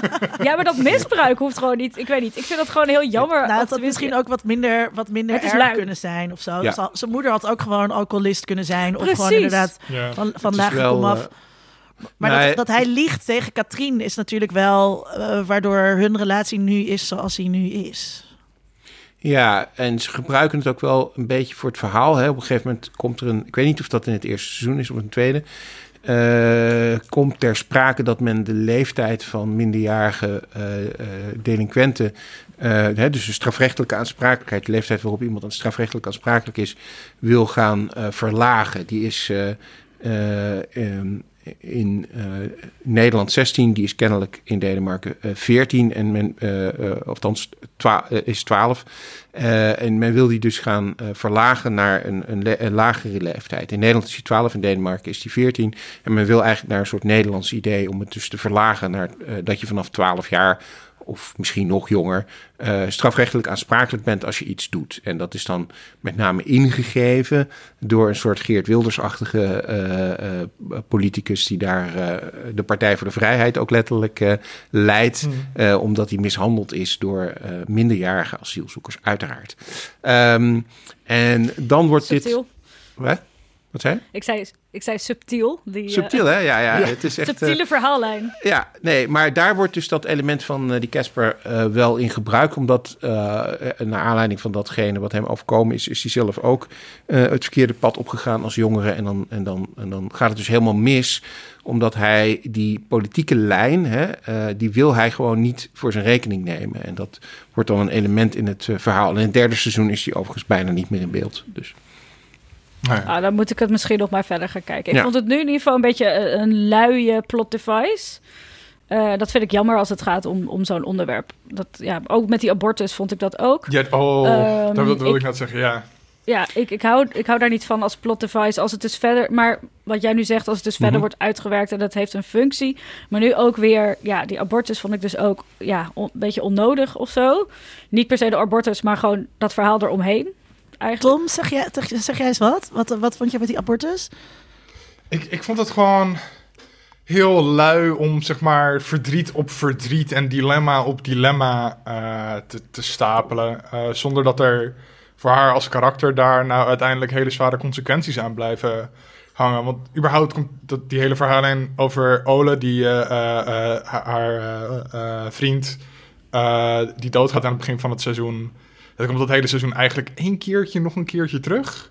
Ja, daar is er vrij snel overheen. Ja, ehm, dus het voelde gewoon heel erg onnodig en gewoon meer voor het, om het de, de overtreffende trap van da- dramatisch te maken. En dat viel me gewoon een beetje slecht. Ik vond überhaupt dat ze haar heel erg in het begin als een soort passieve vrouw neerzetten die gered moest worden door die Casper. Ja. Eh, en daar komt, komen ze later wel weer overheen. Eh, maar ik vond het gewoon een beetje vervelende introductie van dat karakter ook. Ja, en ik wil ook dus even aankaarten dat in alle drie deze series de journalisten met politici of hun woordvoerders seks hebben, ofwel een Ja. seksuele relatie hebben. Wat mij ook wel een beetje heeft gestoord, dat het overal de hele tijd zo was. Dat Maar dat is de- toch ook zo, Iris? Ik vertel, ik zeg helemaal niks. Maar het is natuurlijk de ultieme verboden liefde. Ja, even Eh, voor de goede orde, ja. dat is dus niet zo. Mocht deze Nee. podcast ooit teruggeluisterd worden. ik, eh, Ja, precies. Maar- Even van de record hebben. Maar, Ja. ehm, hoezo? Maar dat is alleen maar omdat Nieuwsport dicht is. Maar ja, wat ik bedoel, maar dat, hoezo, is dat echt niet zo? Ik kan me niet anders voorstellen. Je werkt toch met elkaar? Je staat met elkaar, ja, je maakt lange dagen. Dat is, dat is precies de work environment waarin dat soort dingen gebeuren. Sydney, je hebt ook een tijdje als dat- assistent. Ja, als ja, toen je als assistent rondliep, dus hè, nog, nog voor, niet over je eigen partij, laten we het daar ook even niet over hebben, Eh, eh, over eh, seksuele incidenten. Maar ehm, eh, toen, je, toen, je, als, ja, toen je daar als, als kleine, kleine jochie rondliep als PA, zag je dat gebeuren? Nou, niet tussen journalisten en, en politici, zover ik weet. Eh, wat Maar wel tussen politici en politici. zeker, er zijn ook, eh, eh, eh, geloof ik, twee of drie echtparen hè, die uit de Kamer voortgekomen zijn. Mensen die met elkaar getrouwd zijn. Wat ook nog wel eens gebeurde, is dat bijvoorbeeld een medewerker met een politicus een relatie kreeg. Niet zozeer, denk ik, de, de, de eigen medewerker, want dat zou misschien wat, eh, eh, nou ja, wat vreemd zijn. Maar eh ja, kan wel zijn dat je bijvoorbeeld elkaar gewoon in de context van het werk tegenkomt. En dat je elkaar ook bijvoorbeeld tijdens een borrel of zo leert kennen. Dus dat, zou, dat, dat kwam wel voor, net zoals op ieder werk, denk ik. Maar met journalisten weet ik eigenlijk niet. Want ik denk dat de meeste politici. Ja, ik zeg niet dat het niet gebeurt hoor, maar ik denk dat de meeste politici juist heel erg eh, eh, op hun hoede zijn bij, ja, bij ik- ja, ik zou het journalisten. gewoon niet doen. Nee, precies. Ja, nee, ik denk dat dat namelijk eh, potentieel allerlei hele nare problemen oplevert. Ja, maar dat Eh, maakt het oh. natuurlijk juist zo aantrekkelijk. Omdat het, omdat het Nou, eigenlijk voor mij mag, niet, maar omdat misschien- het spannend is. Misschien eh, zijn er en, wel mensen die dat vinden. Ja, maar in die series is dat toch wel... Ja, nee. Want mijn punt is niet zo van dat mensen geen seks met elkaar mogen hebben. Maar in die series is het ook echt alle drie... Het is, het is de, vrouw, de, de vrouwelijke journalist die met de, de, de man, de politicus, gaat. En het is dan ook in veel gevallen zo... eh, eh, eh, dat ze dan dus ook daarvoor, weet je wel, dat het dan ook is, wordt nou, die Zoe, l- breek me de bek niet open. Dat zij, weet je wel, wordt gewoon dat, zo van, dat wordt dan gewoon zijn poppetje en waarom. En dat is ook zo saai gewoon en zo stom. Die, die relatie tussen hen, sorry, ik vind dat heel vervelend. En dan bij die andere, bij, bij de Brigitte, Brigitte, valt het, eh, ehm, nee, dat is de dingen, hoe heet ze nou, Katrien. Bij Katrien, dat vind ik dan nog wel, dat, die kan ik me dan nog het meest voorstellen. Weet je, met, die woord, met een woordvoerder en dan gaat dat Maar ook het is je ex en dat was een stuk eerder toen ze nog niet allebei die functie hadden, zeg ik voorzichtig. Ja, maar die, zeker. maar die Eulen, Olle, die was wel ook ja. eh, eh, medewerker. Maar dat, dat, die valt nog wel mee. Maar dan ook in de fractie is het dan ook weer, weet je wel, die journalist die meteen bij hem in bed ligt. Het zijn, zeg maar, dat het gebeurt, zal, het zal vast wel eens gebeuren. Maar deze series lijkt het een beetje alsof dat het eerste is wat je doet als je je voorstelt van een redactie. En ja, en, dus allemaal wel vind ik gender hier belangrijk dat het allemaal de vrouwelijke journalist is die met de, de mannelijke politicus gaat. Um, nog even, dus het, eh, voordat we op die gender duiken. Ik denk dat uh, het is ook. Kijk, het zijn ook best wel. Het zijn relatief weinig karakters ook uh, in, al die, in al die series. Want dat komt omdat de kijker het anders allemaal niet meer kan volgen. Wie al die personages zijn. En dit is ook gewoon handig. qua, qua storytelling. Dat je mhm. dan dus een direct lijntje hebt. En een reden waarom, waarom informatie aan elkaar doorgespeeld wordt ja, ze doen het met elkaar. Dat, het is gewoon, ook narratief gezien, is, is dat gewoon natuurlijk het, het, het makkelijkste. Ja, het is natuurlijk ook inderdaad wat we het begin van deze aflevering over hadden. Het is een drama-serie en dan heb je poppetjes nodig die dingen doen. En dan is het, ja, als je daar de hele tijd iemand anders voor moet introduceren. Wat ik trouwens een beetje vond bij House of Cards, omdat je natuurlijk al die verschillende congressmen hebt en al die verschillende eh, eh, mensen, dat ik was omdat ik dus niet zoveel zin had om alles terug te kijken, ging ik even de samenvattingen lezen van uh, wat seizoenen. Maar je wordt helemaal gek van al die namen. Hmm. dus wat dat betreft kan ik ook wel weer goed begrijpen waarom ze dat in die andere series niet hebben gedaan. Omdat het echt heel veel is dan. Maar bij House of Cards draagt het ook bij aan een soort van inwisselbaarheid van al die, eh, van al die mensen. Het zijn echt alleen maar pionnetjes ja. die je kunt zetten. Ehm, nog één ding. Um, ik zit nu echt super, super, diep te graven welke politici en welke journalisten ik allemaal ken die, met, die het met elkaar doen. Uh, ik denk dus dat, het, oh. dat, het wel, dat, dat er dus wel heel veel gebeurt, maar niet dat er dus op die manier heel veel informatie gelekt wordt. Of dat dat, hè, dus waar je het in die serie narratief voor nodig hebt. Um, ik denk dus niet dat dat gebeurt, maar dat wel. Dus ze blanden wel bij elkaar in bed en vervolgens uh, um, uh, vinden er niet op die manier lekken plaats. Ik vind het ook wel echt tergend in die series dat je dan inderdaad in al die relaties hebt van dat ze dan zeggen van ja, er is nu dit en dit in de hand, maar dat moet je echt niet gebruiken. Dat kan je echt niet doorvertellen. Maar ook, je gunt mij de scoop toch? Ik mag toch de scoop? Ja, maar ook echt, ik vind het dat wat dat betreft ook wel weer grappig, omdat het, dat gaat dus wel compleet voorbij aan het feit dat politici gewoon lekken aan journalisten zonder dat ze bij ze in bed liggen. Want daar hebben mensen baat bij. Dat is vaak wat er gebeurt. Dat is hoe lekken ontstaan, is omdat iemand er baat bij heeft. Ja. Weet je wel? Of vindt dat iets echt niet kan. Dat kan bijvoorbeeld ook. Maar, mhm. Dus ik vind het heel grappig dat het in die series inderdaad dan wordt... Oké, ze hebben seks en dan, dan komt die informatie eruit. behalve bij de fractie, hè? Ja, ja, bij de fractie wordt er wel gelekt zonder dat er uh, seks plaatsvindt. Ja, maar daar wordt dus inderdaad wel echt gelekt omdat het uh, uh, politiek is. Omdat het heel handig is voor hen uh, om, om, om te lekken. Ja. Ja. En verder de, de fractie. Gaan we het gender hebben? Of over, over de fractie? Eerst ja, omdat we misschien anders de, hele, de hele fractie vergeten. Want we hebben het eigenlijk alleen maar over Borgen en House of Cards. Ja, sorry, ik ben jullie hele draaiboek aan het negeren. Nee, oh, nee, dat, ik, ik, negeer hem ook altijd hoor. dat schrijf ik hem zelf. Uh, ik laat dat even zijn belopen. Uh, eerst even de fractie doen dan. Okay. Um, want ik wil sowieso dan, dan eerst even aan Sydney vragen. Die, die hele VPN, dat is toch gewoon een D66? nou, dat... Uh, nee, zeker niet. Nee. Um, nee de vrijzinnige uh, partij in Nederland? Nee, ja, nou... Uh, het, is, het, is, het komt natuurlijk van Femke Halsema, dus het zal dan eerder een soort GroenLinks-achtige uh, partij zijn.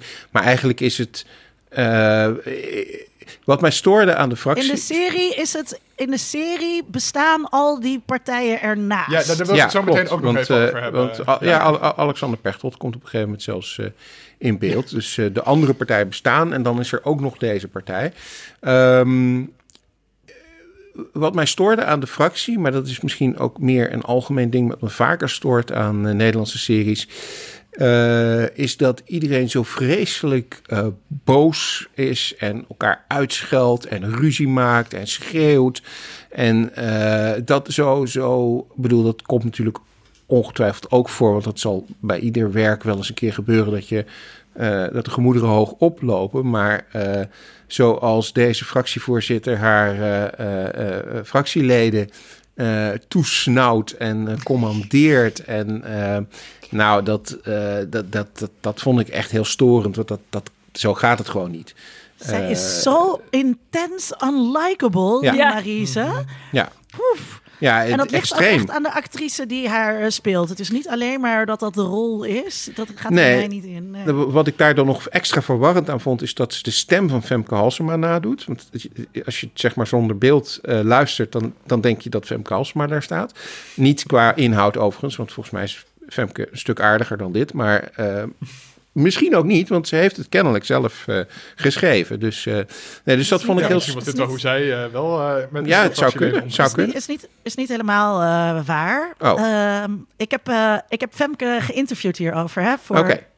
Onder mediadoktoren. Oh, dat is hij weer. Mm. Uh, we, zullen, we zullen hem even... Ik zal het link, interview linken in de mm -hmm. show notes. Wat toen heel geinig was dat zij hierover geïnterviewd wilde worden. Dus dat zat toen even, was even politiek niet zo heel belangrijk. Uh, en uh, het eerste wat ik haar heb gevraagd was natuurlijk... Wie is de auteur van deze serie? Mm. dat jullie die niet aan zagen komen. Mhm. En, um, um, maar het, het, het idee is uh, van Femke samen uh, um, uh, met Gijs Westerlaken, meen ik.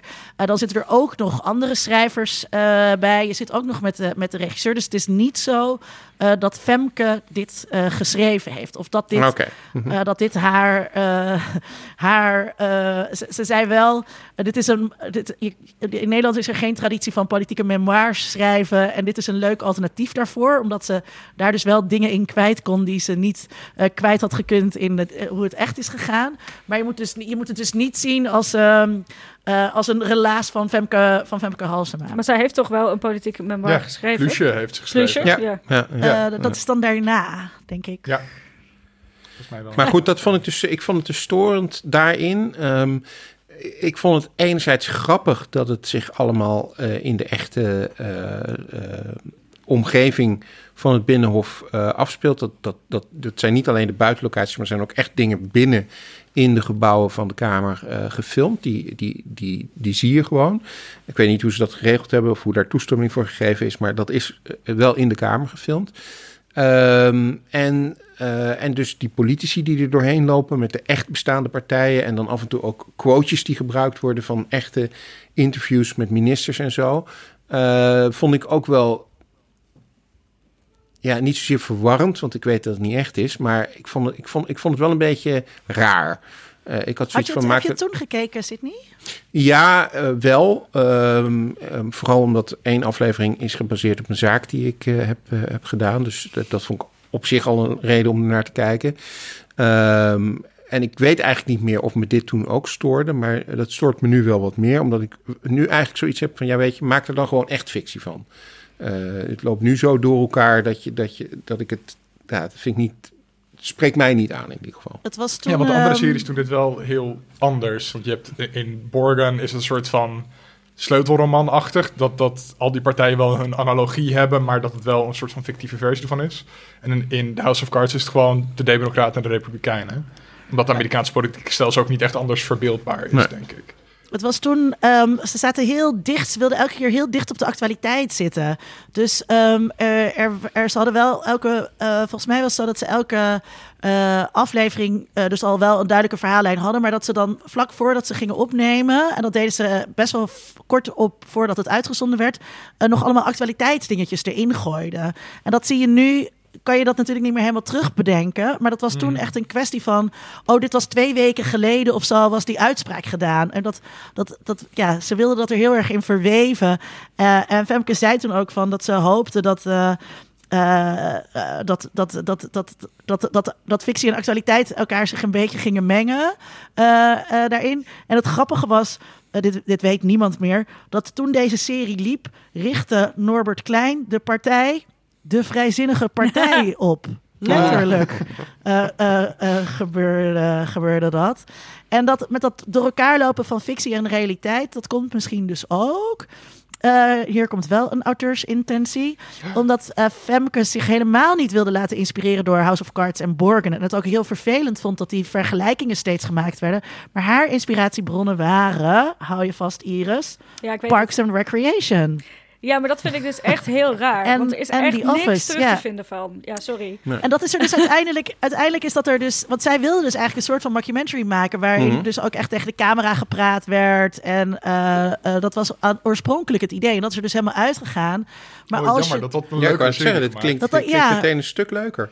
Maar dan had je dus ook veel beter. eh, ehm, ja, als, je kan je bijna nu voorstellen dat dan inderdaad die camera's in die fractiekamer waren. Van nou, wat is er dan net gebeurd? à la What We Do in the Shadows.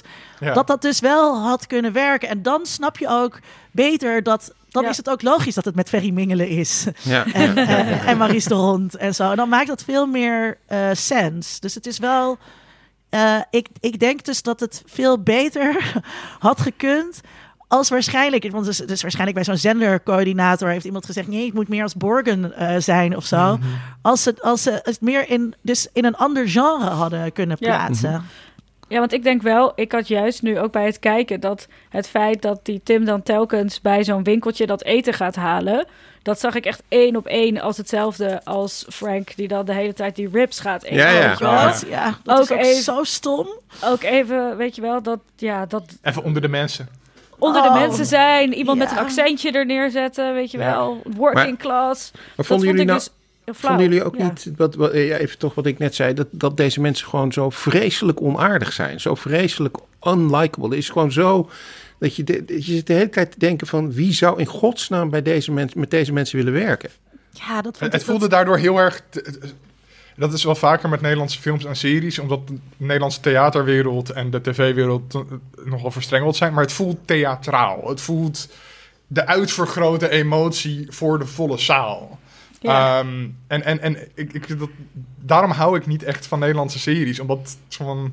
Ik heb precies hetzelfde. Ja, nee. En het, toen ik, ik wil toen- niet zeggen dat de acteurs niet goed zijn, maar hun stijl van acteren ligt me niet zo lekker. Toen ik eh, zo deed bij zeggen. Crea, toen eh, eh, moesten we ook. Dat, wij moesten dan dus ook inderdaad, hè, maak het groot en praat met je toneelstem die verrijkend moet zijn. En dat, en dat zit er allemaal in. Daarom is bijvoorbeeld Mokka Mafia ook zo goed. Omdat al die gastjes, die, die hebben allemaal niet bij Crea acteerles gevolgd. Maar, dat- maar Ja. ik, ik, ben dat, ik ben het heel erg eh, eens dat al die, al die personages zijn niet leuk. Het enige wat wel leuk is, is dat ze wel eh, om die issues geven of zo. Dat ehm, eh, het is niet alleen maar eh, machtsbelustheid of zo die, die, die er bij hun eh, in zit. Maar ik vond dat ook dat dat soms wel een beetje als de spreekbeurt van de week kon voelen.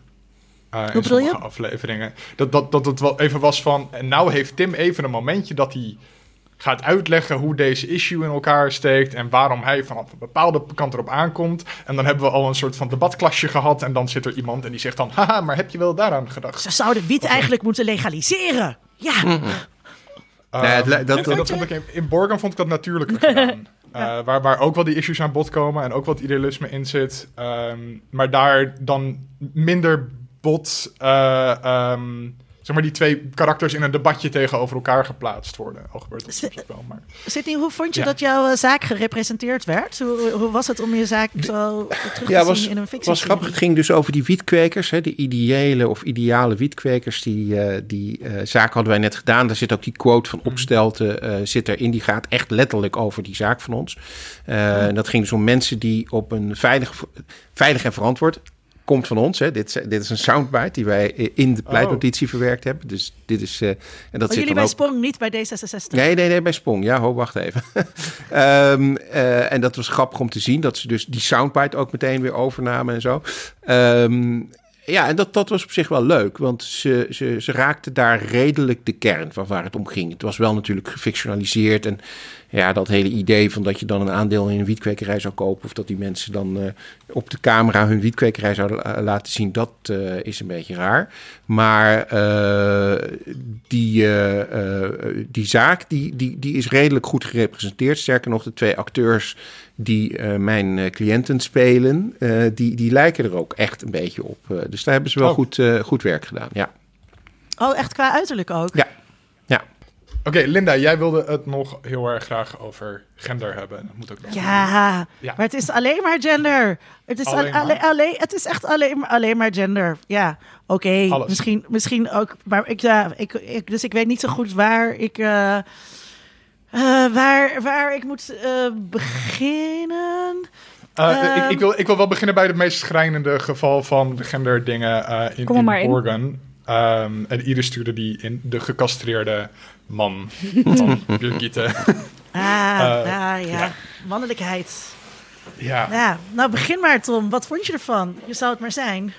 Uh, je zal het inderdaad maar zijn. Uh, een man die zo slecht er tegen kan dat zijn vrouw status heeft en hij niet. Um, ik vond hem later in het seizoen wel weer sympathieker worden hoor. Maar uh, het, het was Wat wel. Vond je dat? Dat hij er slecht tegen kon? Ja. Ja. Oh. Vond jij dat niet? Nee, ik vond dus juist dat. Uh, ja, dat is ook wel weer interessant aan betekenisgeving. Oh, okay, mag, hij... mag, mag, mag, ik hem eerst even uitleggen? Ja, zeker, zeker. Ja. Um, uh, uh, hij heeft, is maar professor op een universiteit en krijgt de hele tijd uh, het aanbod om een CEO te worden bij grote bedrijven, maar dat kan niet, want zijn vrouw als, is premier. En, en als de studenten ze, willen met hem neuken. Ja, want, want ja. iedereen vindt hem zo'n zo geile man met, een, met een prachtige kont. um, en hij heeft dan ook geen zin meer in seks, want hij moet te veel thuis doen. Hij moet te veel uh, de huisvader worden en daar zit hij helemaal niet op te wachten. En de seconde dat hij een baan aangeboden krijgt als CEO, heeft hij weer zin in geile neukseks. Dat is echt totaal de gecastreerde man. Um, nou ja, maar het is ook dat... Uh, uh, kijk, uh, Birgitte is ook wel heel weinig thuis. Ja, ze is premier. Ja, inderdaad. Nou, nou, Jesse Klaver zou dat echt anders doen hoor. Ja, Jesse Klaver is, is geen premier. Geen premier. Nee. nee, maar dus dat is. Um, ik vind dat is wel uh, juist heel uh, interessant. Toen, um, toen mijn promotor uh, afdelingsvoorzitter was. toen zei ze gewoon: Ik vergader niet na half uur s middags, want dan moet ik juist zijn met mijn kinderen. Punt. We gaan het vanaf nu anders doen met deze vergaderingen. En uh, zij probeert het ergens, probeert ze het nog als ze gewoon op vakantie wil. Wat eigenlijk geen enkele staatsminister uh, ooit mocht. Ook al deden ze van wel. En dat, en dat blijkt dan eigenlijk niet, niet, niet, te kunnen. Maar zij kiest ook wel. Ze had ook andere keuzes kunnen maken. Hè, ja. Ze is de eerste vrouwelijke premier. Je kan dan dus ook zeggen: wij gaan het hier anders doen. Ik laat niet. God non you uh, um, mijn, mijn, mijn uh, gezin, mijn, mijn huwelijk verpesten door deze baan. En alle signalen zijn er. Hij zegt tegen haar: uh, Weet je, als schat, je bent er nooit. En als je er bent, dan ben je er niet. Ook altijd heel diep, hè? en, en zij laat dat allemaal. Zij laat dat ook allemaal gebeuren. Dus ik vind het ook niet raar dat hij. Dat hij zich daar in die zin tekort gedaan voelt. Ja, en, en, en hij wordt aan het uiteindelijk ook wel echt tekort gedaan. Op een gegeven moment ook dat hij dan wel die baan accepteert en die dan weer af moet staan omdat hij een, een deel van een deel van een deelbelang heeft in een of andere order uh, voor een staatsbedrijf of weet ik veel wat. Uh, voor, voor een jet uh, was dat. Um, dat, dat daar, daar ging ze echt te ver in. Dan vind ik het ook volledig terecht dat hij daar dan dat dat voor hem de grens was. Um, dat, dat huwelijk loopt natuurlijk stuk daarna. Maar ik vond wel in, in, in, hoe, dat daar naartoe gewerkt werd en hoe hij. Dus weet het een beetje zo mokkend zat. Zo, ik ben zo zielig met, met, mijn gezinnetje thuis. Ja. Ik vond, dat niet, ik, vond dat hij nog heel lang, ik vond dus dat hij het nog juist heel lang volhield. Maar oh. misschien kijk je daar toch echt naar vanuit een singles perspectief. Dat ik het allemaal denk, oh, relaties, jezus wat een boel werk. Waarom zou je aan beginnen, doei. Iris, jij, jij, jij had het hier ook al over in een WhatsApp gesprek met mij. Hoe, hoe, hoe zeg jij dit dan? Nou ja, ik zag dus heel erg dat begin vooral, hè, van dat ik dacht al van, ah, ze hebben hen gewoon iets te veel neergezet als zo'n heel blij stel. Met hele hmm. leuke kinderen die het vet leuk hebben met elkaar. Oh, het is ook altijd zo'n gezellig rommeltje in huis. En hij vindt het echt leuk dat zij premier wordt en ze zijn nog seksueel actief. En dan weet je dus, dit gaat kapot. Dat is hoe series Hmm. werken. En dan hoop je ergens dat dat niet zo is. Of dat het om een andere reden is. Maar nee, het was, zeg maar, ik snap wat jij zegt daar in Linda, zo van ja, maar ze liet het gebeuren. Maar het was al van het moment, zeg maar, het allereerste moment, dan is zij echt drie maanden, is zij dan premier. En dan zit hij al van, ja, je bent er nooit. Ja, ze is de eerste drie maanden, is ze premier. Tuurlijk is ze er niet zoveel. Plus ze is nog elke avond thuis. Ik vind dat best wel veel als je premier bent. Ja, ik zat echt een beetje zo van, nou, oké. Dus ik had ook helemaal niet het eerder dat ze er heel weinig was. Maar vooral inderdaad wat Tom net al uitlegde. Dat hele concept dat het de hele tijd om hem gaat dat hij niet werkt. Dat, dat, dat irriteerde mij vooral. Kijk, als het gewoon was... professor. Nou ja, dat, hij, dat, hij, dat, zijn, dat zijn werk uh, lager in de hiërarchie staat dan het hare. Dat, ja, en dat, en dat, hij dat erg vindt. Ja, maar dat, maar dat lijkt mij dus ook best wel. Uh, daarom vind ik het. Ik vind het dus een hele interessante representatie, omdat. Um, uh, die andere vrouwen die zich uh, moesten wegcijferen bij die mannelijke politici, wat namelijk ook wel aan bod komt in Borgen, dat, dat zag je dus eigenlijk nooit zo. En het doet dus wel iets met je als mhm. kijker dat het dus een man is die nu die carrière op moet geven. Want daardoor ga je het voelen. Als het een vrouw was geweest, dan was, dat, dan was dat denk ik minder het geval geweest. dus dat hij lager in die hiërarchie komt te staan. En wat, wat ik dus wat ik interessant vind, wat ik net zei. Um, wat betekent het dan dat je de eerste vrouwelijke premier bent. Als je verder dus dit soort dingen als de balans tussen, tussen werk en, uh, en, en zorg niet anders gaat doen. Dan, dan ben je ook gewoon, ben je dan niet gewoon een Thatcher. ja, nog even. Um, is, het, is het echt zo dat hij, dat hij uh, lager in hiërarchie stond? Want volgens mij ging het. Ja. Um, ja, ik vraag het me af hoor. Want eh, hij is dus professor. Hij doet dat naar het lijkt met veel plezier. Um, totdat hij op een gegeven moment dan die baan aangeboden krijgt. En, en uh, dat is volgens hij, mij... hij staat lager in hiërarchie, want iemand moet bij de kinderen zijn en alles komt op hem neer. En voor de kinderen zorgen wordt lager gewaardeerd. Hm. En daarom is hij, is hij zo uh, gecastreerd. Omdat... Ja, maar hij wordt, het, het probleem ontstaat volgens mij pas echt op het moment dat hij dus... Uh, die baan uh, niet kan aannemen omdat er een belangenconflict uh, ja, maar bestaat. dus in, in hun huwelijk mm -hmm. is het wiens carrière gaat nu even voor. Dat is die van Birgitte. Mm -hmm. En daarom staat hij lager in de hiërarchie. En de genadeslag is als hij inderdaad die baan aangeboden krijgt en die vervolgens onverbiddelijk moet, moet afstaan. Ja, ja, ik heb ook wel het idee dat het daarvoor ook al een beetje ettert hoor. Dat, dat, dat, uh, ja, dat, dat heb ik dan misschien anders gezien. En, en, en die, die vakantie uh, op Marienborg is ook al uh, daarvoor.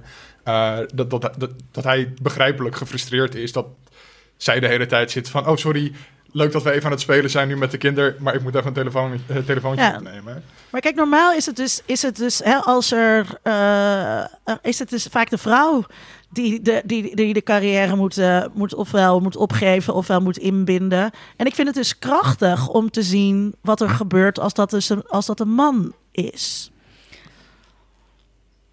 Ja, alleen ik, ja, hm. ik, ik had juist toen ik het keek dat ik dacht vanaf het eerste moment dus, dit is wat er gaat gebeuren. Want ja, dat weet je. Ja, ja en Dat, nou, dat, daarom vind ik het dus dan ook jammer of zo. Want dan wordt het dus niet op die manier benoemd. Kijk, ik weet niet. Ik, ik had nu dus niet het idee dat het per se krachtig was. Maar ik, mijn kijkervaring was meer dat ik bevestigd werd met... zie je wel, mannen kunnen er niet tegen als een vrouw belangrijker is dan zij. En maar dat voor kunnen mannen ook niet. en, en, voor de, en voor de kinderen zorgen is minder waardig, weet je wel. Um, ja, ik ben eigenlijk wel goed. Ik heb dat denk ik wel vaker. Dat wanneer, wanneer, wanneer jouw partner premier wordt, zeg maar... dan vind ik het raar dat jij dacht dat het dan zou blijven zoals het was. Dat vind ik ook hmm. vreemd. Dat jij dan denkt, oh, nou, nu blijft ons leven gewoon zo doorgaan. Diegene gaat andere beslissingen maken. Iemand is wel op dat moment premier, weet je wel. Net als er andere functies zijn waarvan je toch kunt zeggen... Ja, dit gaat je leven veranderen speelt daar niet mee. Ja, misschien denk ik te ver door hoor. Want uh, uh, nogmaals, ik had het in, de indruk dat het in die eerste paar afleveringen juist zo was dat hij zich best redelijk in die rol uh, paste. maar speelt daar misschien ook niet mee dat het begin van Borgen is dat is, helemaal niet de bedoeling dat zij premier wordt. Het is helemaal niet in vragen dat zij premier wordt. Het is helemaal niet realistisch dat zij premier wordt. Dus zij hebben dat waarschijnlijk ook helemaal niet op die manier met elkaar uh, besproken of overlegd. En uh, in die zin zou je ook kunnen zeggen: is het best knap dat hij zich in het begin nog redelijk goed daaraan aanpast. En pas dan eigenlijk de realiteit doordringt uh, van nou, dit, dit was toch niet helemaal zoals het, zoals het misschien gepland was. Ik ben het zo waar een keer met Sydney eens. Wauw. dan, nou, dan moeten we nu stoppen. Wat ik dan, maar dan vervolgens... Stop de uh, count. Uh, Birgitte is dus dan uh, staatsminister. En zij is me daar toch iemand die zich alles best wel persoonlijk aantrekt. en dat vind ik dus weer onwijs uh, uh, stereotyp. Dus um, waarvan ik denk, nou, dit had je op een man had je dit echt anders uh, geschreven. En aan de ene kant is het dus mooi dat je haar persoonlijke worstelingen ziet. Maar alles is ook wel een persoonlijke worsteling. En elke keer als er iemand dwars zit, dan, dan, ja, dan zie je dat haar zich op die manier aantrekken. Vonden jullie dat ook? Ja, maar ik zag daar toen dan weer niet echt gendered in. Ik had het idee dat ze dat heel erg deden om haar sympathiek te maken en haar partij sympathiek te maken. Want ze ze, ze, dat, we hebben het daar ook eerder over gehad hoe je verhoudt tot de realiteit. En ik had juist het idee van ze zorgen ervoor dat echt de harde onderwerpen, daar hebben ze een standpunt op. Wat iedereen denk ik wel een beetje heeft. En dan gaat ze naar Groenland en dan hoort ze daar over iedereen die geen toekomst heeft. Ja, je moet toch ook wel echt geen hart hebben wil je daar dan of een hekel, voelen. Of, of, een hekel aan Inuit hebben. Bijvoorbeeld. Wat dan ook een personage heeft, weet je wel. En dat is dan natuurlijk heel, weet je wel, dat is dat personage. Dus ik zag dat misschien niet eens als gendered. Ik zag dat heel erg als de sympathieke, idealistische politicus die een partij heeft waar je niet echt aanstoot aan neemt. Nee, dus kun je er naar kijken. Bedoel, ik bedoel, ze trekt zich persoonlijk aan. Zij, zij heeft het idee dat al haar politieke opponenten uit zijn om haar persoonlijk een loer te draaien dat zij het dus niet ziet als dat is de game, maar als zij zijn tegen mij, Birgitte. Hmm. hmm. Ja, nou, niet zo gezien, eerlijk gezegd. Dat was, was me niet opgevallen. Nou, Oké, maar ik heb er nog wel een andere voor jullie. De oh, relatie tussen Kat Katrine en Hanne. Oh ja. Hanne Hum. Hanne was die... die, die, die... Oh ja, ja, ja. ja de, de alcoholistische Wouke van Scherburg. Het was inderdaad uncanny hoe, hoe uh, dat, kan, dat kunnen ze niet geweten hebben. Tenminste, dat lijkt me heel sterk dat ze dat geweten hebben. Maar hoe uncanny, hoe duidelijk de parallel met Wouke van Schermburg was. Los van de alcohol overigens. Hè? Maar, maar gewoon qua uiterlijk en qua. Nee, maar qua uiterlijk en qua leeftijd en qua positie. Uh, was het inderdaad... van Scherrenburg was een parlementair verslaggever. Toen Cindy en ik, ik, ik al bestonden, over wie maar, we nu? maar toen nou, Iris nog niet. Jeetje zeg. Ze heeft onlangs een hele mooie serie over het Binnenhof gemaakt. Ja, maar Sydney, zo is het wel. Die kinders die weten dat. Uh, die weten dat die weten nee, maar dat vond ik inderdaad wel uncanny. Dat dat, uh, nogmaals, dat zullen de Deense kijkers absoluut... Ik kan me niet voorstellen dat er een Deen is die weet wie Wouter van Scherburg is. Maar voor ons als Nederlandse kijkers is dat best wel apart, vond ik. Ja. Maar wat, uh, wat vonden jullie van de, van de, de, de collegiale verhoudingen tussen oud en nieuw? Henne en ik vond dat heel, heel sympathiek. Uh, gedaan. Uh, uh, ook dat, dat het allebei karakters zijn die in het begin hè, ja, hun eigen kant op willen, hun eigen idee hebben over hoe het moet.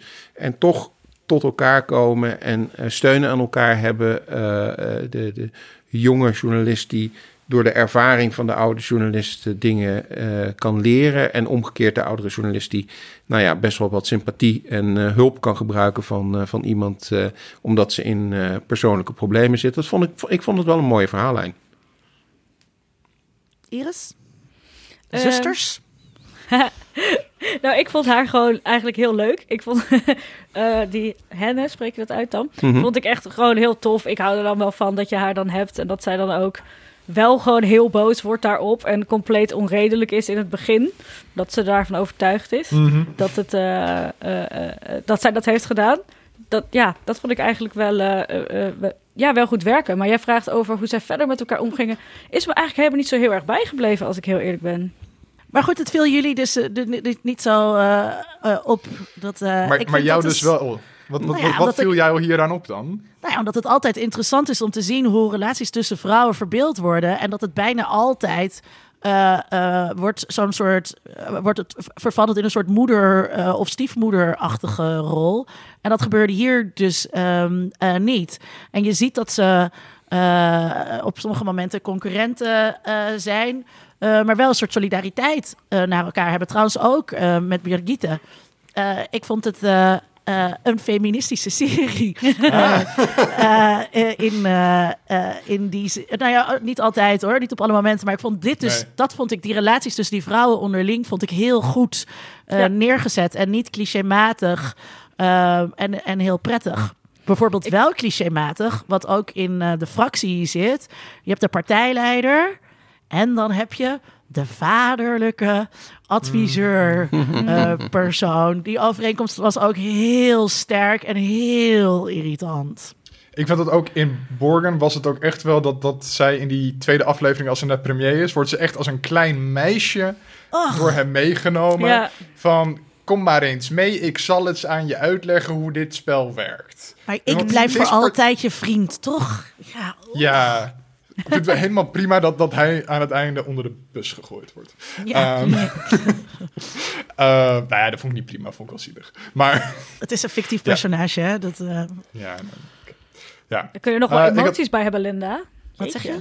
Dan kun je er nog wel emoties bij hebben. Nee, ja, maar net dat het lekker is dat hij onder de bus gegooid werd. En Tom verexcuseert zich nu alsof het erg is om dat te zeggen over een fictief personage. Dat, nee, ik vond het ook wel zielig voor hem. Ik had wel met hem te doen. Ja, maar dat is toch, en dat het ook in de fractie zo duidelijk terugkomt. Uh, ja, dat, dat, dat vond ik storend. Jij, Iris?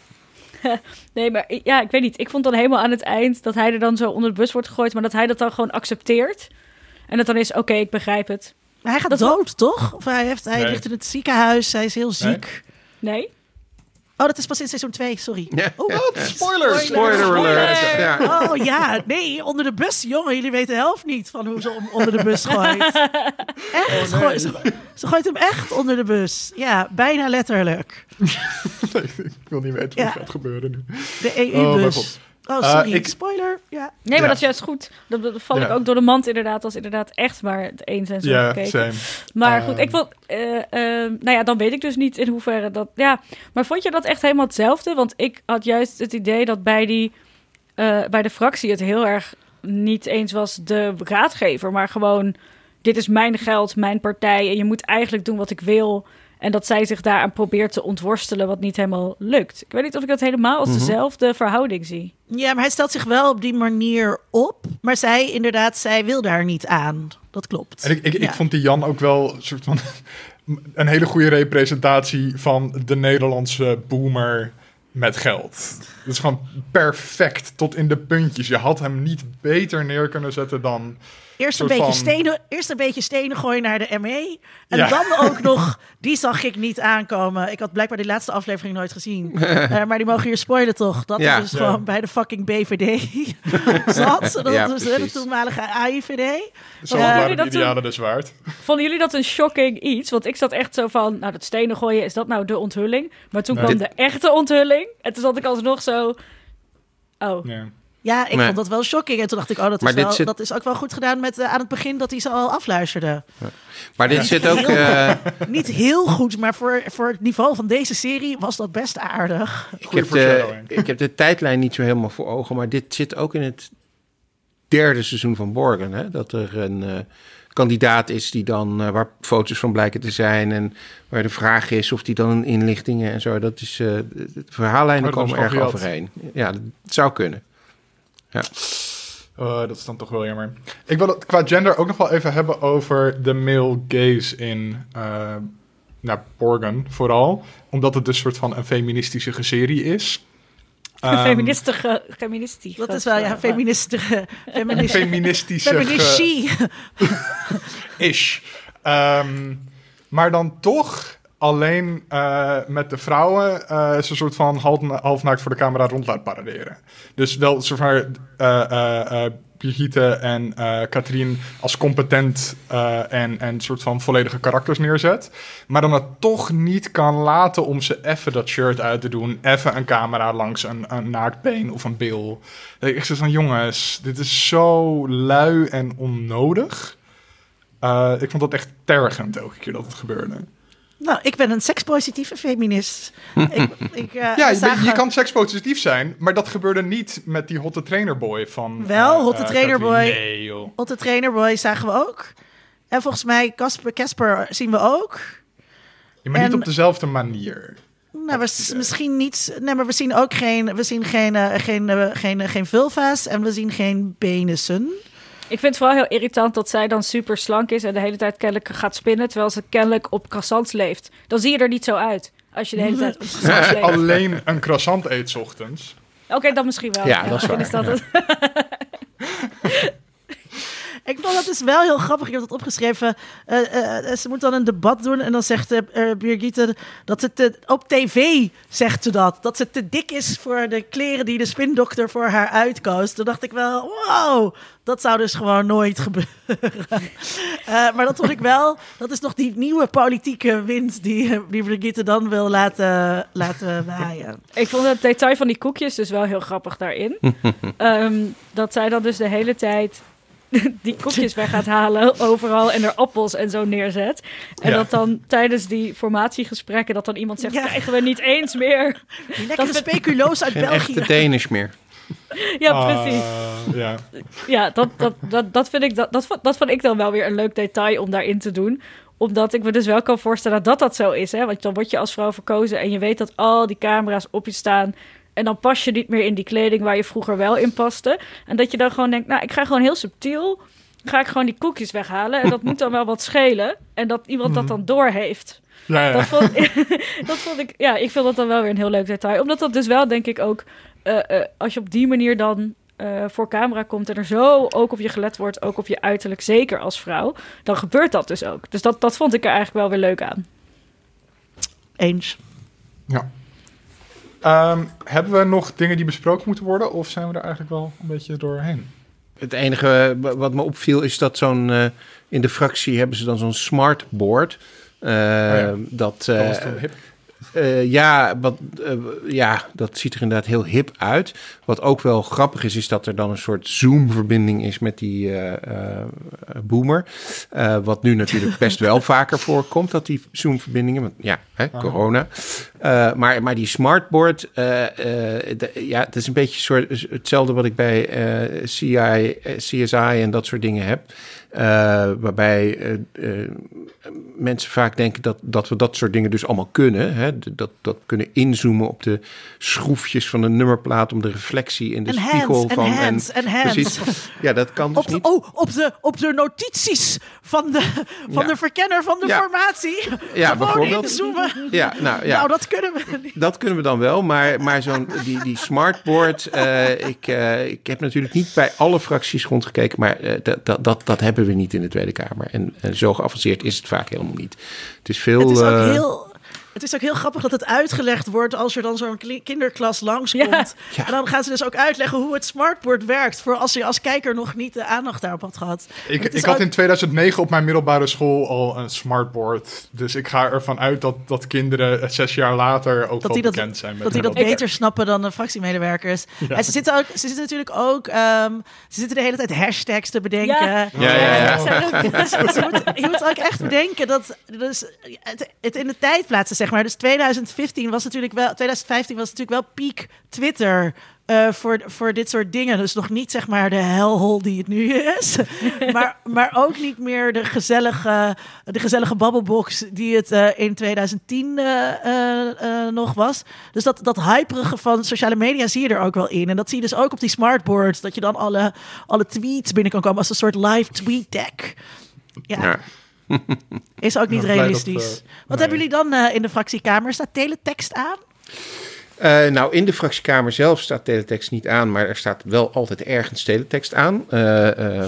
dat dat, dat, dat is volgens is mij bij iedereen die, die echt nieuws volgt, is dat wel zo. nee, die fractiekamer is. Kijk, wij, nogmaals, wij zitten in het ministerie van Justitie, het oude ministerie van Justitie. Dus dat is gewoon een heel oud heel mooi uh, oud uh, gebouw, maar dat heeft wel zijn beperkingen in wat je qua techniek en zo uh, kunt doen. Je kunt daar niet zomaar opeens een muurtje wegkappen omdat je een grote smartboard wil neerzetten of zo. Dat gaat niet. Wat, nou, daar, daarvoor gaat er verbouwd worden de komende vijf jaar. Ja, precies, ja. Hey, het zit niet. Uh, uh, um, ja, daar kan je natuurlijk, krijg je natuurlijk niks over zeggen. Over, uh, als, je, als je zelf Um, ja, misschien moeten we dat later vragen uh, als je, als, uh, over, over acht jaar of zo.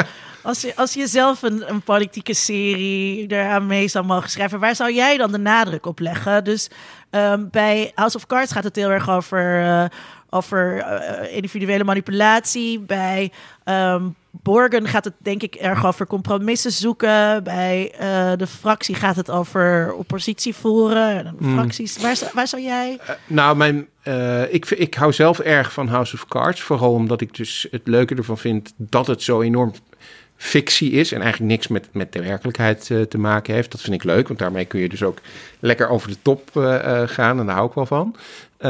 maar als het qua, als het wel een beetje een realistische serie zou moeten worden, dan denk ik Borgen. Dat, ja, ik vind dat Borgen dat, dat, dat goed doet door thema's die, die actueel zijn, zelfs nu een aantal jaar later nog steeds wel dat je kunt bedenken, oh ja, ik snap wel waarom dit thema speelt.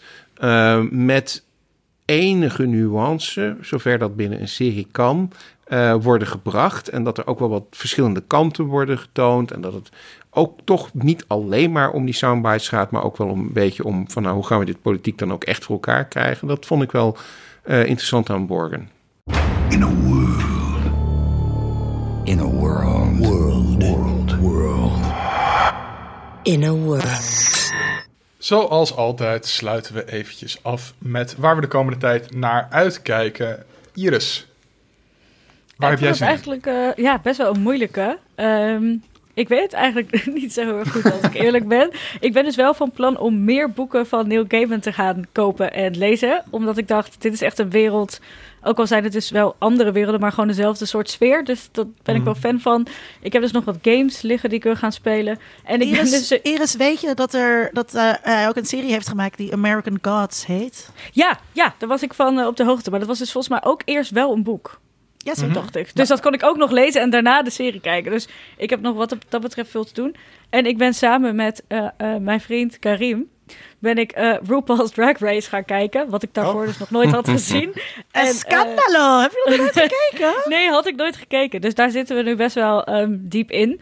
Dus, uh, en dat kan je, kan je zo lekker wegkijken als je eventjes niet wil nadenken. Dus dat, mm. ja. Er is heel veel. Er is zoveel. En ik hou er dus altijd wel van als er heel veel is bij iets waar ik aan begin. Dus ja, dat is het denk ik. Oké. Okay. Sydney, heb jij nog wel... Ik kijk... Oh, vaccinatie. Oh ja, vaccinatie, daar oh, kijk ik ook, ook naar uit, zeker. Uh, ja, nee, ik ook. Um, nee, ik kijk uit uh, naar een heleboel dingen. Uh, nou ja, nogmaals, uh, voor de luisteraar is dat al geweest als ze luisteren. Maar in ieder geval natuurlijk mijn beëdiging over twee dagen. Maar qua series en Kunnen films... Kunnen we die ergens... Is dat terug te kijken, Sydney? Wordt als het goed is, wordt er, wordt er een livestream uitgezonden. Maar ik moet daar nog even achteraan hoe, hoe precies. Maar er, er zou een livestream van moeten zijn. Ik denk gewoon via... Wel. Ja, ik denk gewoon via de, in ieder geval via de website van de Tweede Kamer. Daar worden in principe alle vergaderingen uitgezonden. en misschien Wordt zelfs... toch ook opgeslagen dan, denk ik daar? Ja, die van 2017 kon je nu dus terugzien. Ja. Dus ik ga ervan uit dat je dit ook kan zien. Uh, gewoon op debat gemist. Ja. Is terug te kijken op debat gemist. Dus uh, daar kijk ik uh, sowieso naar uit. Maar als we het hebben over series en films. het eerste waar ik naar uitkijk ehm, is de Suicide Squad. En uh, dat is uh, deel 2 van Suicide Squad. Of eigenlijk deel 3, want we hadden ook nog Harley Quinn uh, als, als film. Birds maar of Prey. Maar het is eigenlijk ook een soft reboot. Het is ook een, een soft reboot, want wat, wat, waar het op lijkt... er is nu net een nieuwe trailer namelijk van de film uitgekomen. En niet geheel toevallig is de regisseur van deze film uh, James Gunn. Die had daar tijd voor, omdat hij tijdelijk niet meer bij Disney welkom was. Uh, en James Gunn is de maker van The Guardians of the Galaxy. En wonder boven wonder, als je de trailer van The Suicide Squad kijkt, dan zitten daar enorme Guardians of the Galaxy vibes in. En het ziet er gewoon heel grappig en goed gemaakt uit. Ik denk dat je het ook aan James Gunn wel kunt toevertrouwen. Um, dus ik heb het idee dat dit wel eens heel leuk zou kunnen uh, worden. Um, ik vond de eerste Suicide Squad uh, helemaal niks. Ik vond Harley Quinn, uh, dus deel 2 of, of Birds of Prey, hoe, hoe, die dan ook precies heet, heeft een hele lange titel, die film eigenlijk. die vond ik oké, niet, niet, niet slecht, niet goed. Dit zou best wel eens een soort Guardians of the Galaxy voor de DCU kunnen worden. Dus ik ben wel benieuwd. Hij komt in augustus uit, zowel streaming als in de bioscoop. En waar ik ook naar uitkijk, uh, er is uh, vorige week op Amazon Prime Video de eerste drie afleveringen gedropt van Invincible. Invincible is een tekenfilmserie over een jongen wiens vader superheld is en die zelf ook superkrachten ontwikkelt. Nou, dat klinkt heel cliché, dat is het ook tot op zekere hoogte, maar het is uh, gebaseerd op een uh, comic van Robert Kirkman. En Robert Kirkman, die ken je van uh, Walking Dead.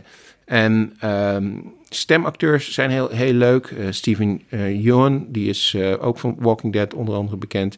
J.K. Simmons, die je ook wel kent van onder andere Spider-Man. die doen wat stemmen. En het verhaal Um, ja, als je van Robert Kirkman een beetje afweet, dan weet je dat het uh, waarschijnlijk iets bloederigs en gruwelijks is. Uh, nou, dat zit er ook al wel een beetje in. De eerste drie afleveringen staan al online. En vanaf april komen dan uh, iedere week komt er een, een, aflevering uit. En ik moet zeggen, die eerste drie waren heel leuk om te kijken. Dus ik ben heel benieuwd hoe zich dat, hoe zich dat gaat ontwikkelen. Oké, klinkt goed. Linda, uh, ik kijk uit naar uh, het derde seizoen van Killing Eve, wat um, uh, net op Videoland beschikbaar is geworden.